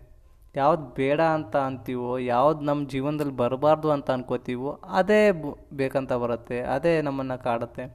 ಯಾಕಂತಂದರೆ ದೇವ್ರಿಗೆ ಯಾರು ಕಷ್ಟಗಳನ್ನ ಎದುರಿಸುವಂಥ ಶಕ್ತಿಯನ್ನು ಪಡೆದಿರ್ತಾರೋ, ಯಾರು ಸವಾಲುಗಳನ್ನು ಎದುರಿಸುವಂಥ ಶಕ್ತಿಯನ್ನು ಪಡೆದಿರ್ತಾರೋ, ಅಂಥವ್ರಿಗೆ ಮಾತ್ರ ಕಷ್ಟಗಳನ್ನು ಕೊಡ್ತಾನೆ ದೇವರು. ಎಲ್ಲರೂ ಕೂಡ ಕೊಡಲ್ಲ ಅವನು. ಸುಖದಿಂದ ಇಡ್ತಾನೆ ಲಾಸ್ಟ್ ಕೊನೆಗೆ ಕಷ್ಟ ಕೊಡ್ತಾನೆ. ಬಟ್ ನಿಮಗೆ ಕಷ್ಟ ಬಂದಿದೆ ಅಂತ ಅಂದರೆ ನಿಮ್ಮ ಸುಖದ ಜೀವನ ಮುಂದಿನ ಒಳ್ಳೆಯ ಪಯ ಸ್ಟಾರ್ಟ್ ಆಗಿದೆ ಅಂತ ಅರ್ಥ. ಗೋ ಹ್ಯಾಡ್ ಈ ಕಷ್ಟನ ಎದುರಿಸುವಂಥ ಶಕ್ತಿ ನಿನ್ನಲ್ಲಿದೆ. ಜಸ್ಟ್ ಗೋ ಹ್ಯಾಡ್ ತಲುಪ್ತೀಯ ಸಾಧನೆಯ ಮೆಟ್ಟಿಲುಗಳನ್ನು ಹತ್ತಿ ಅನ್ನೋ ಭರವಸೆ ನನಗಿದೆ ಅಂತ ನೀವು ಅನ್ಕೋಬೇಕಷ್ಟೇ. ಹಾಗಂತ ಎಲ್ಲರೂ ಕೆಟ್ಟವ್ರು ಇರಲ್ಲ. ಏನೋ ಒಂದು ಅಚಾನಕ ಘಟನೆ ಆ ಸಮಯದ ಸಂದರ್ಭ ಅವ್ರಿಗಿನ್ನ ಆ ಥರನಾಗಿ ಮಾಡಿರುತ್ತೆ. ಪ್ರತಿಯೊಬ್ಬರ ಮನಸ್ಸು ಕೂಡ ಹೂವಿನ ಥರನೇ ಮೃದು ಥರನೇ ಪ್ರತಿಯೊಬ್ಬರದಲ್ಲಿ ಕೂಡ ಪ್ರೀತಿ, ವಾತ್ಸಲ್ಯ, ಸ್ನೇಹ ಇವೆಲ್ಲ ಇದ್ದೇ ಇರುತ್ತೆ. ಬಟ್ ಆ ಕ್ಷಣ, ಆ ವ್ಯಕ್ತಿತ್ವ, ಆ ಸಂದರ್ಭ, ಆ ವ್ಯಕ್ತಿಯನ್ನು ಆ ಥರ ಮಾಡಿರತ್ತೆ ಅಷ್ಟೇ. ಅದನ್ನ ಬಿಟ್ಟರೆ ಯಾರೂ ಕೂಡ ಕೆಟ್ಟವರಲ್ಲ. ನಿಮ್ಮ ಜೊತೆ ಕಳೆದ ಪ್ರತಿಯೊಂದು ಕ್ಷಣ ಕೂಡ ಇಂಪಾರ್ಟೆಂಟ್ ಆಗುತ್ತೆ. ಮುಂದೆ ಏನೇ ಆಗಿರಲಿ, ಯಾರೇ, ಎಲ್ಲೇ ಸಿಕ್ಕರೂ ಕೂಡ ಮಾತಾಡುವಂಥ ಹಂತ ಬರಲಿ ಅಂತ ಆಸೆ ಪಡ್ತೀನಿ ಅಷ್ಟೇ. ನೀನು ಯಾರೋ ನಾನು ಯಾರೋ ಅನ್ನೋಂಥ ಭಾವನೆ ಬೇಡ. ಎಲ್ಲರೂ ಕೂಡ ಚೆನ್ನಾಗಿದ್ದು ಒಳ್ಳೆಯ ರೀತಿಯಲ್ಲಿ ಫಲಿತಾಂಶ ಮಾಡಿಕೊಂಡು ಮುಂದಿನ ಜೀವನ ಭವಿಷ್ಯವನ್ನು ಉಜ್ವಲಗೊಳಿಸೋಣ ಅಂತ ಹೇಳ್ತಾ ಮಾತಿಗೆ ವಿರಾಮ ನೀಡ್ತೀನಿ. ನಮಸ್ಕಾರ. ಇವ್ರ ಮಾತಂದರೆ ವಿದ್ಯಾರ್ಥಿಗಳಿಗೆ ತುಂಬ ರೆಸ್ಪೆಕ್ಟು ಇವರೆಲ್ಲದರಲ್ಲೂ ಕೂಡ ಆಲ್ವೇಸ್ ಪರ್ಫೆಕ್ಟು ಇವರು ತೆಗೆದುಕೊಂಡಿರೋ ಪ್ರತಿ ಕ್ಲಾಸು ಕೂಡ ಗೋಲ್ಡನ್ ಮೂಮೆಂಟು ಕ್ಲಾಸಲ್ಲಿ ಇವ್ರ ಹುಮ್ಮಸ್ಸು, ಅದುವೇ ಇವ್ರ ಸಕ್ಸಸ್ಸು ಅಂಥ ಸಕ್ಸಸ್ಸಿನ ರೂವಾರಿ ವಿದ್ಯಾರ್ಥಿಗಳಿಗೆ ಆಶಾ ಕಿರಣ, ನಮ್ಮ ನಿಮ್ಮೆಲ್ಲರ ಪ್ರೀತಿಯ ವಿಜಯಲತಾ ಮ್ಯಾಮ್ ಅವರಿಗೆ ಹುಟ್ಟುಹಬ್ಬದ ಆರ್ಥಿಕ ಶುಭಾಶಯ. ಇವ್ರ ಮಾತಂದ್ರೆ ವಿದ್ಯಾರ್ಥಿಗಳಿಗೆ ತುಂಬಾ ರೆಸ್ಪೆಕ್ಟು ಇವರೆಲ್ಲದರಲ್ಲೂ ಕೂಡ ಆಲ್ವೇಸ್ ಪರ್ಫೆಕ್ಟು ಇವ್ರು ತೆಗೆದುಕೊಂಡಿರೋ ಪ್ರತಿ ಕ್ಲಾಸು ಕೂಡ ಗೋಲ್ಡನ್ ಮೂಮೆಂಟು ಕ್ಲಾಸಲ್ಲಿ ಇವರ ಹುಮ್ಮಸ್ಸು, ಅದುವೇ ಇವ್ರ ಸಕ್ಸಸ್ಸು ಅಂತ ಸಕ್ಸಸ್ಸಿನ ರೂವಾರಿ ವಿದ್ಯಾರ್ಥಿಗಳಿಗೆ ಆಶಾ ಕಿರಣ ನಮ್ಮ ನಿಮ್ಮೆಲ್ಲರ ಪ್ರೀತಿಯ ವಿಜಯಲತಾ ಮ್ಯಾಮ್ ಅವರಿಗೆ B G M I T family ವತಿಯಿಂದ ಹಾಗೂ ಸಿವಿಲ್ ವಿಭಾಗದ ವತಿಯಿಂದ ಹುಟ್ಟು ಹಬ್ಬದ ಆರ್ಥಿಕ ಶುಭಾಶಯಗಳು. Once again wish you happy birthday ma'am thank you ಇವ್ರ ಮಾತಂದ್ರೆ ವಿದ್ಯಾರ್ಥಿಗಳಿಗೆ ತುಂಬಾ ರೆಸ್ಪೆಕ್ಟು ಇವರೆಲ್ಲದರಲ್ಲೂ ಕೂಡ ಆಲ್ವೇಸ್ ಪರ್ಫೆಕ್ಟು ಇವ್ರು ತೆಗೆದುಕೊಂಡಿರೋ ಪ್ರತಿಯೊಂದು ಕ್ಲಾಸು ಕೂಡ ಗೋಲ್ಡನ್ ಮೂಮೆಂಟು ಕ್ಲಾಸಲ್ಲಿ ಇವ್ರ ಹುಮ್ಮಸ್ಸು, ಅದುವೇ ಇವ್ರ ಸಕ್ಸಸ್ಸು ಅಂತ ಸಕ್ಸಸ್ಸಿನ ರೂವಾರಿ ವಿದ್ಯಾರ್ಥಿಗಳಿಗೆ ಆಶಾ ಕಿರಣ, ನಮ್ಮ ನಿಮ್ಮೆಲ್ಲರ ಪ್ರೀತಿಯ ವಿಜಯಲತಾ ಮ್ಯಾಮ್ ಅವರಿಗೆ B G M I T family ವತಿಯಿಂದ ಹಾಗೂ ಸಿವಿಲ್ ವಿಭಾಗದ ವತಿಯಿಂದ ಹುಟ್ಟುಹಬ್ಬದ ಆರ್ಥಿಕ ಶುಭಾಶಯಗಳು. Once again wish you happy birthday ma'am thank you